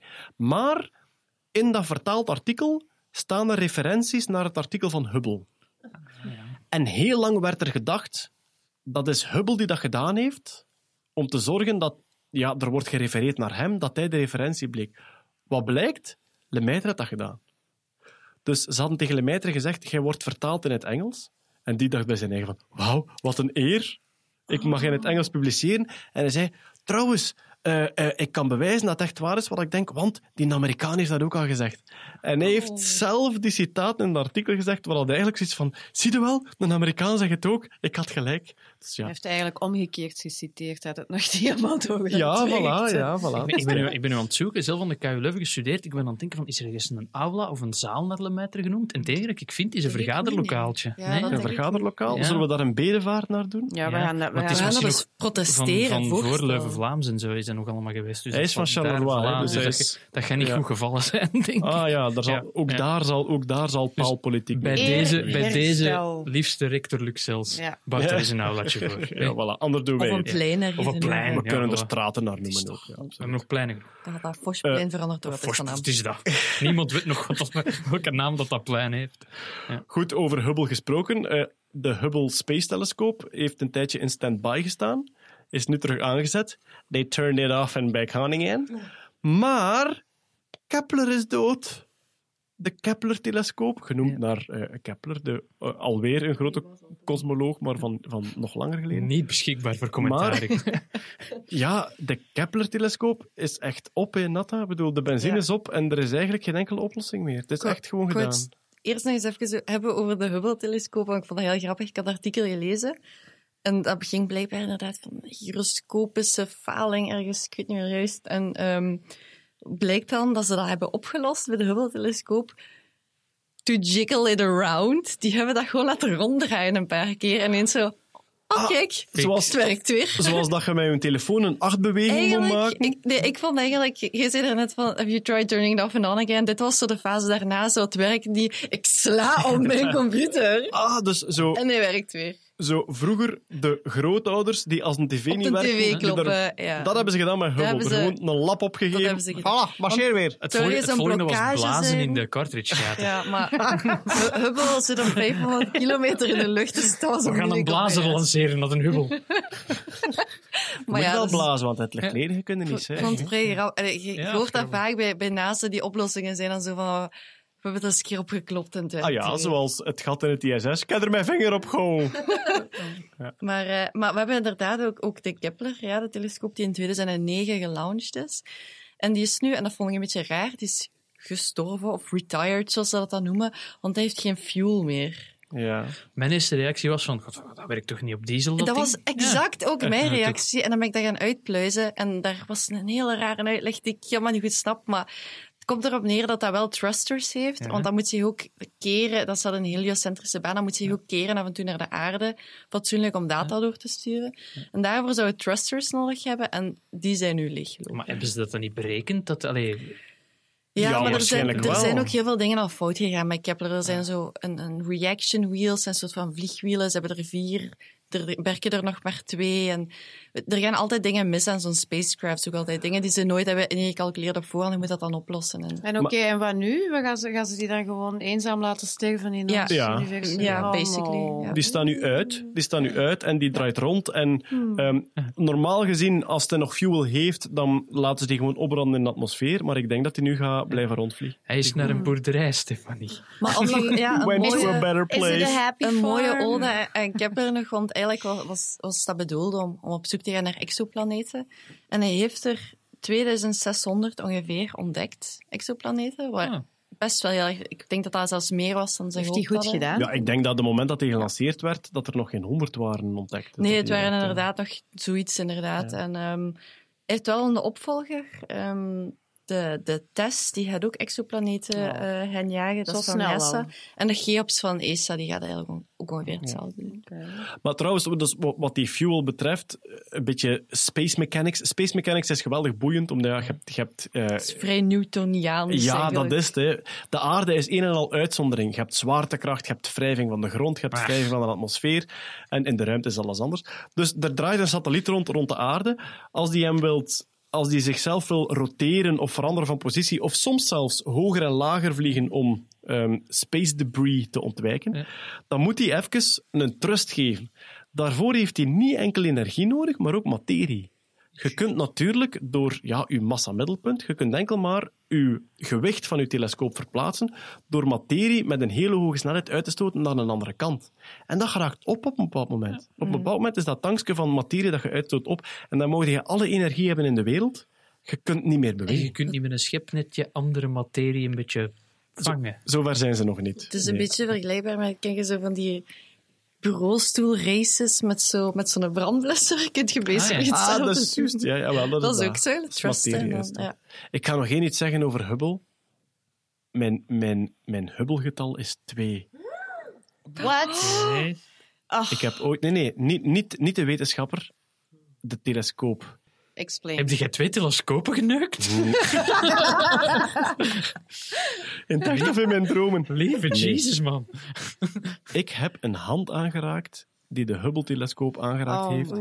In de ruimte. Oh, oké. In de ruimte. Oké, oké, cool. Astronaut Michael Foale was, eh, eh, zat mee op de missie van Fremont, maar is daarna een herstelmissie aan Hubble gaan vliegen. Dus die is naar Hubble gevlogen met een Space Shuttle. In de ruimte heeft hij daar hersteld. Echt een printplaat vervangen, gewoon in Hubble. Deurken open, printplaat in en uit, deuken toe. En toen dat, eh, Dirk Fremont heeft hier in Gent eh, zijn zoveel jaar na zijn missie gevierd, met alle space crew van toen. En Michael Foale was daarbij. En dus wij zijn, ik heb toen met Michael Foale op de bootjes van Gent gezeten. Dus echt zo gaan kijken naar het gravensteen en de- aan die mensen gaan vragen van, en jij hebt Hubble hersteld? Of ja, I was very nervous at the time, because if you mess up, it's a very expensive thing. En ja, dus ik heb de hand aangeraakt die Hubble aangeraakt heeft. Oké, dat is het enige dat we nu nog kunnen doen, is lieve, raak mijn hand. Ah, Ik schenk jullie allemaal Hubble Ik getal heb Dirk, 3. ik heb Dirk Fremont aangeraakt, dus ik zin, ben- Die heeft Hubble niet al, je bent al een 3, ja. Ja, Ja, ik ben al je drie. al Hubble getal Dus ik 3, moet u ja, geen dat is meer waar. geven. Ik kan, ik kan Waar helaas... heb eh, je. Dirk de, het event rond Bedoelt je geo- geografisch of waar zijn Maar lichaam? laat ik even ja. open dan. eh. Rond zijn kuipergordel. Nee, ehm, eh, gewoon, die was op eh, het, het lancerings, allee, landingsevent van Philae en eh Ah, de dat is Right, ja, dat is waar. Daar heb ik daar Daar waren jij ook. Ja, eh, ja, jij- had de zaal eronder en al het volk en ik had erboven en Ah, al het plebs. Dat was Zeer fijn. We hebben nog één maan-nieuwsje, namelijk, ehm, wat hebben ze ontdekt? Manen kunnen manen hebben. Theoretisch gezien. Nee, Ah, wel, wat? dus manen, manen kunnen kunstmanen hebben. Dus goed, een maan draait rond een planeet. Een planeet draait rond, een, rond een ster. De maan dra- draait rond een planeet. En rond die maan kan nog iets draaien. Op zich was dat al het geval, namelijk wij hebben satellieten rond Mhm. onze maan draaien. Dus eigenlijk is dat een kunstmaan rond Ja. de maan. Maar dus theoretisch kan een maan ook een maan hebben, die Ja, gewoon kosmologisch moon. Maar ze hebben nog geen ontdekt dan? Of, Nee, eh, ze hebben nog geen ontdekt. En ook wel funny side note is, dat kwam door eh, het zoontje. In 2014 vroeg de zoon van de astronoom Juna Kohlmeier. Die vroeg aan zijn mama, zijn mama kunnen manen, manen hebben? En die mama was like, mind is blown. Nooit over nagedacht. Dus is- Kindervragen, dat hè. is Kindervragen, dat is het ja, aller... precies. Ja, dat dus is dat echt is een, echt een onderzoek van gekomen van Canada. Dan hebben ze berekend van, oké, die, die maan zou binnen een bepaalde afmeting moeten zijn. Dat zijn vrij, allee, vrij strikte marges eigenlijk, waarbinnen dat maar zou kunnen. Ja. Want als die maan te klein is of die submaan is te klein, dit, dat. Ehm, dus ze zijn nu op zoek gegaan en ze hebben inderdaad nu ook exomanen kunnen vinden. Want binnen ons zonnestelsel is dat toekoer niet het geval.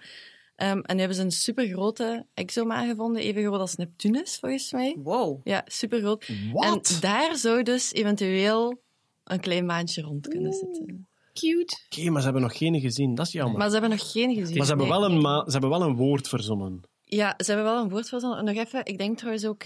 Ik weet niet zeker of ze dat ooit binnen de afzienbare toekomst gaan kunnen zien. Want de manen zijn al vrij moeilijk te zien. Exomanen, laat staan kleine Natuurlijk. moon moons bij exoplaneten zijn ja. eigenlijk al moeilijk. Dus Een exoplaneet is al, is al waanzinnig Ja, dat ze dat dat kunnen is eigenlijk een exoplaneet. is een maar gewoon- vage pixel. Die we dat kijken ja. inderdaad naar een ster. We zien Hm. dat die ster een beetje aan helderheid afneemt. Ah, we hebben een exoplaneet. Dus Ja. hoe ze exomanen doen, vind ik al idioot. Maar ze hebben inderdaad een naam daar dus voor. Allee, volgens mij, i- i- in het wetenschappelijk artikel noemen ze het submoons.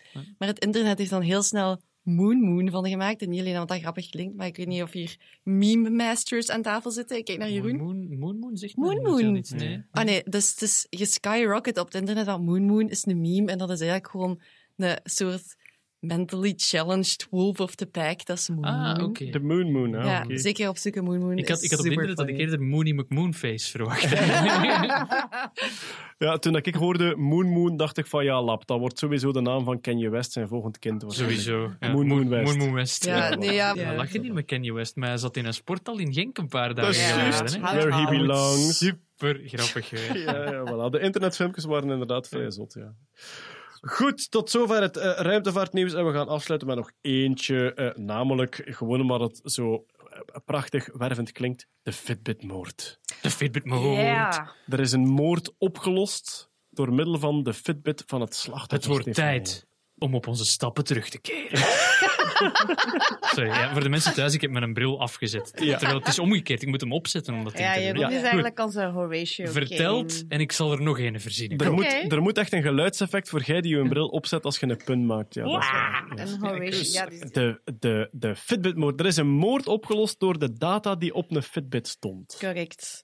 Er is vooral een tijdstip gevonden van die moord, wat heel belangrijk is om een moord op te lossen. Ah, wel, Maar dus wat ze gezien hebben is, op een bepaald moment was er echt een piek in de hartslag Ja. en daarna ging die naar nul. Ja. Wat dat toch een beetje een indicatie is van, hier is het waarschijnlijk gebeurd. Hier is het waarschijnlijk gebeurd. En wat dat het eigenlijk heeft opgelost is, er waren natuurlijk verdachten. Hè? Ik bedoel, de politie doet zijn werk, er waren verdachten, er waren alibis.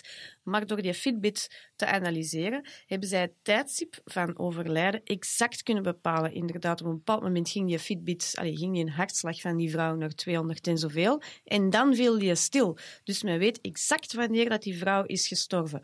Waardoor dat men exact heeft kunnen afleiden dat het alibi van een van de verdachten niet klopte. En daar, daar, daardoor is het onderzoek opgelost. Zijn onze Fitbit-data dan zomaar beschikbaar? Nee, men heeft, allee, de, de politie heeft een, eh, een warrant gekregen. Oké. Dus dat is, ja, dat is een beetje dan inderdaad de, de, de vraag naar justitie en naar legaliteit toe. Dat is een beetje gelijk een huiszoeking. Je krijgt toestemming van, Right. van de onderzoeksrechter om dat te vragen aan het bedrijf. En Ja. stonden die lokaal op de Fitbit of zitten die in de cloud direct? Dat weet ik eigenlijk ook niet. Dat eh, weet ik ook wordt niet. constant gesynct via Bluetooth en Is dat? gsm. ja. Ah, oké. Ja, dus dat kun je echt, zelfs als je als moordenaar die Fitbit daarna verbrandt, zit dat eigenlijk ergens toch nog Als je, traceerbaar. veronderstel, als je direct de hand eraf kapt en die Fitbit dan verbrandt, maar ja, dan zie je nog dat er opeens een gat is Dat in op, Right. dan, data, ja. op dat moment. Het is, het, is, ook, e- het is echt het, is echt het, het, is echt het tijdstip dat die Hm. moord heeft opgelost. Ja, want het is niet zo... Allee, meestal denken ze zo van, oh, we, gaan, we gaan de moordenaar zoeken en we gaan de moordenaar zoeken. Nee, de moordenaar is meestal heel dichtbij. Eh, er zijn meestal drie of vier verdachten en het gaat eigenlijk meer over het alibi van die mensen Mhm. kunnen ontkrachten, ja of nee. De meeste vrouwen, zeker, die worden vermoord. Die worden vermoord door mensen in hun nabije omgeving. Dus het gaat eigenlijk, het gaat eigenlijk gewoon over het, over het ontkrachten van de alibis van de mensen die dat je ver- verdenkt. En Het- De vraag is, is ze vermoord voor of nadat ze haar aantal stappen per dag gehaald heeft? Dat zou ik gewoon heel belangrijk vinden. En ze Ja. leefde zo gezond. Hé, maar uw hartslag, uw hartslag in rust is vandaag wel geweldig. in elk geval, wat ik daar zo interessant aan vind, en ik heb daar de vorige keer ook over die DNA-moordzaak gepraat, ik denk dat de, de, de, de mogelijkheden voor forensic science, die, die gaan echt elke maand, die, die, die, die gaan exponentieel vooruit. Ik denk dat je ja. binnen een, binnen een maand, of ja, nee, niet binnen een maand, binnen een paar jaar, heb je gewoon. eh, ik, denk, ik denk dat er geen enkele moord niet meer onoplosbaar is. Als je iedereen zijn DNA hebt, als je iedereen zijn parameters hebt, als je weet wanneer dat iemand sterft, als je weet waar dat iemand is geweest, als je. De, de technologie van forensisch onderzoek gaat zodanig ver vooruit dat inderdaad er steeds meer oplosbaar wordt. En dat je dat soort verhalen van Fitbits en domotica en DNA enzovoort, dat je dat Volgens constant... mij gaat op een eh, bepaald moment ja, gaan verzuipen in te veel data. Denk je? Dat het gaat overslaan en dat je uiteindelijk in een rechtszaak dat de ene partij tegen de andere gaat zijn van deze drie apparaten, namelijk de, de keukenrobot en de Fitbit en de koelkast, staan aan onze kant van het verhaal. En dat jij daar dan staat met uw slimme kleerkast en uw Roomba en uw dit en dat. Maar je hebt Even, biometrische. even terzijde, als je kunt, moet je op internet eens internet of shit volgen. Ja. Oh ja, Geweldig, ja. Ja. Ja, Maar alles wat, over bio- alles wat biometrische data gaat, dat, eh, dat, dat, staat, dat blijft wel staan. Hè? Ik bedoel, dat, dat, kun je, dat kun je toch niet vervalsen? Dat kan ook niet. Dat Wel, komt die niet... Fitbit heeft ook een interne klok, dat dat ik die kan wijsmaken dat mijn hartslag op een bepaald uur hoger was. Of Dus dat de moordenaar na de moord onmiddellijk met zijn laptop aan de slag gaat om de Fitbit te resetten, Ja. daar valse data in te Ja. steken. Of Direct zoals, zien aandoen en er keihard mee gaan joggen. en maar ja, zoals, zoals in de reeks van Vlees en Bloed, inderdaad, dat dat hertje neergeschoten is en dat je zo met die sensor blijft rondlopen. Right. Dat mensen zo overal, ja, weet ik veel, een capucijnaapje meenemen om die een Fitbit aan te hangen. Dat hij zo wat rondloopt met die Fitbit. En ja, ik heb nog tien trappen gedaan, terwijl ik eigenlijk al dood moest zijn. Oké, de, ja- second, de second generation of thrillers, die, die schrijven zichzelf dan. We kijken inderdaad uit naar de rechtszaak waar is... Ik vraag de keukenrobot als getuige. Dat hij dan zegt, Wel, in al mijn jaren als keukenrobot heb ik dit nog nooit. Ze heeft om tien uur nog cake gemaakt. En dat kan je niet als je dood bent, hè? Dus zie je wel. Ja. De Fitbit moet... Ik heb trouwens De ook verdediging gelezen, rust, de lachtbare. ik heb trouwens ook gelezen in het verslag, dus goed, ja, het, was, het was een man, ik denk dat zijn Het stiefdochter was haar, was. het was, het was het was haar stiefvader. Ja, en die had ze Ja. doodgeslagen met een bijl en Ja. dan weggegaan. En dan van, oh nee, haar valt stil. Ja, blijkbaar wel. Was dat weggegaan, was opgepakt, had alles ontkend, maar Mm. ze konden hem niet pinpointen. Tot als ze het tijdstip van overlijden hadden. En aan de camera's konden zien dat kort daarna zijn auto verdwenen was van de oprit. Dus hij moest daar geweest zijn op het moment dat ze stierf, terwijl hij net zei dat dat niet waar was. Maar hij bleef ontkennen. En weet je hoe hij gevat is? Toen ze hem alleen lieten in de ondervragingskamer, sprak hij tot zichzelf. Ja, lap, ik zei er ook, hè. Ja. Ah, de Dus techniek echt- van good cop, invisible cop. Maar dus die heeft dus echt luidop tegen zijn eigen gezegd van ja, zeg mij, ja, ja. Maar luidop, ik bedoel, in godsnaam. Maar dat is toch niet hetgene wat hij hem uiteindelijk heeft... eh, Volgens, volgens het verslag is dat het moment dat ze binnengekomen zijn en gezegd hebben van haha, je zegt het zelf. Goed, we gaan afsluiten. Ik wil nog twee mededelingen doen. Eh, we zitten op Spotify. We zitten op Spotify. Dankjewel aan de mensen van Gefilterd, de podcast. Die hebben Klopt. een hint gegeven dat Spotify nu zo'n soort van speciaal formulier had dat we daarvoor konden gebruiken. Dus hoera! Ja, dus we zitten op Spotify. En ik ga er ook nog aan toevoegen. Er is nog een andere ehm, geek podcast die ik ooit samen met Xander de Rijke opgericht heb en die ik nu zelf verder onderhoud. Moel de Geek heet die. Dus Moel zoals in het Frans, Moel de Geek en Geek zoals Geek natuurlijk. En we hebben die terug opgestart voornamelijk om eh, onze afleveringen van Team Scheire. Achteraf eh, nemen we een podcast op met een van de twee bouwers, waarin ze echt volledig in de nerdy details uitleggen hoe ze het gebouwd hebben en wat ze gemaakt hebben. Dus Multigeek kan je ook opzoeken op alle platformen. Ik denk ook op Spotify of op uw podcast-app. Of anders op multigeek.lipsin.com. Voilà, dit was het voor deze maand. Ik dank Stefanie Degene, Graag gedaan. Jeroen Baar, Hetty Helsmoorto, Met veel plezier. Nata Kerkhoff Ajustruus. en aan de knoppen Els Aartje. Tot volgende keer. Bye.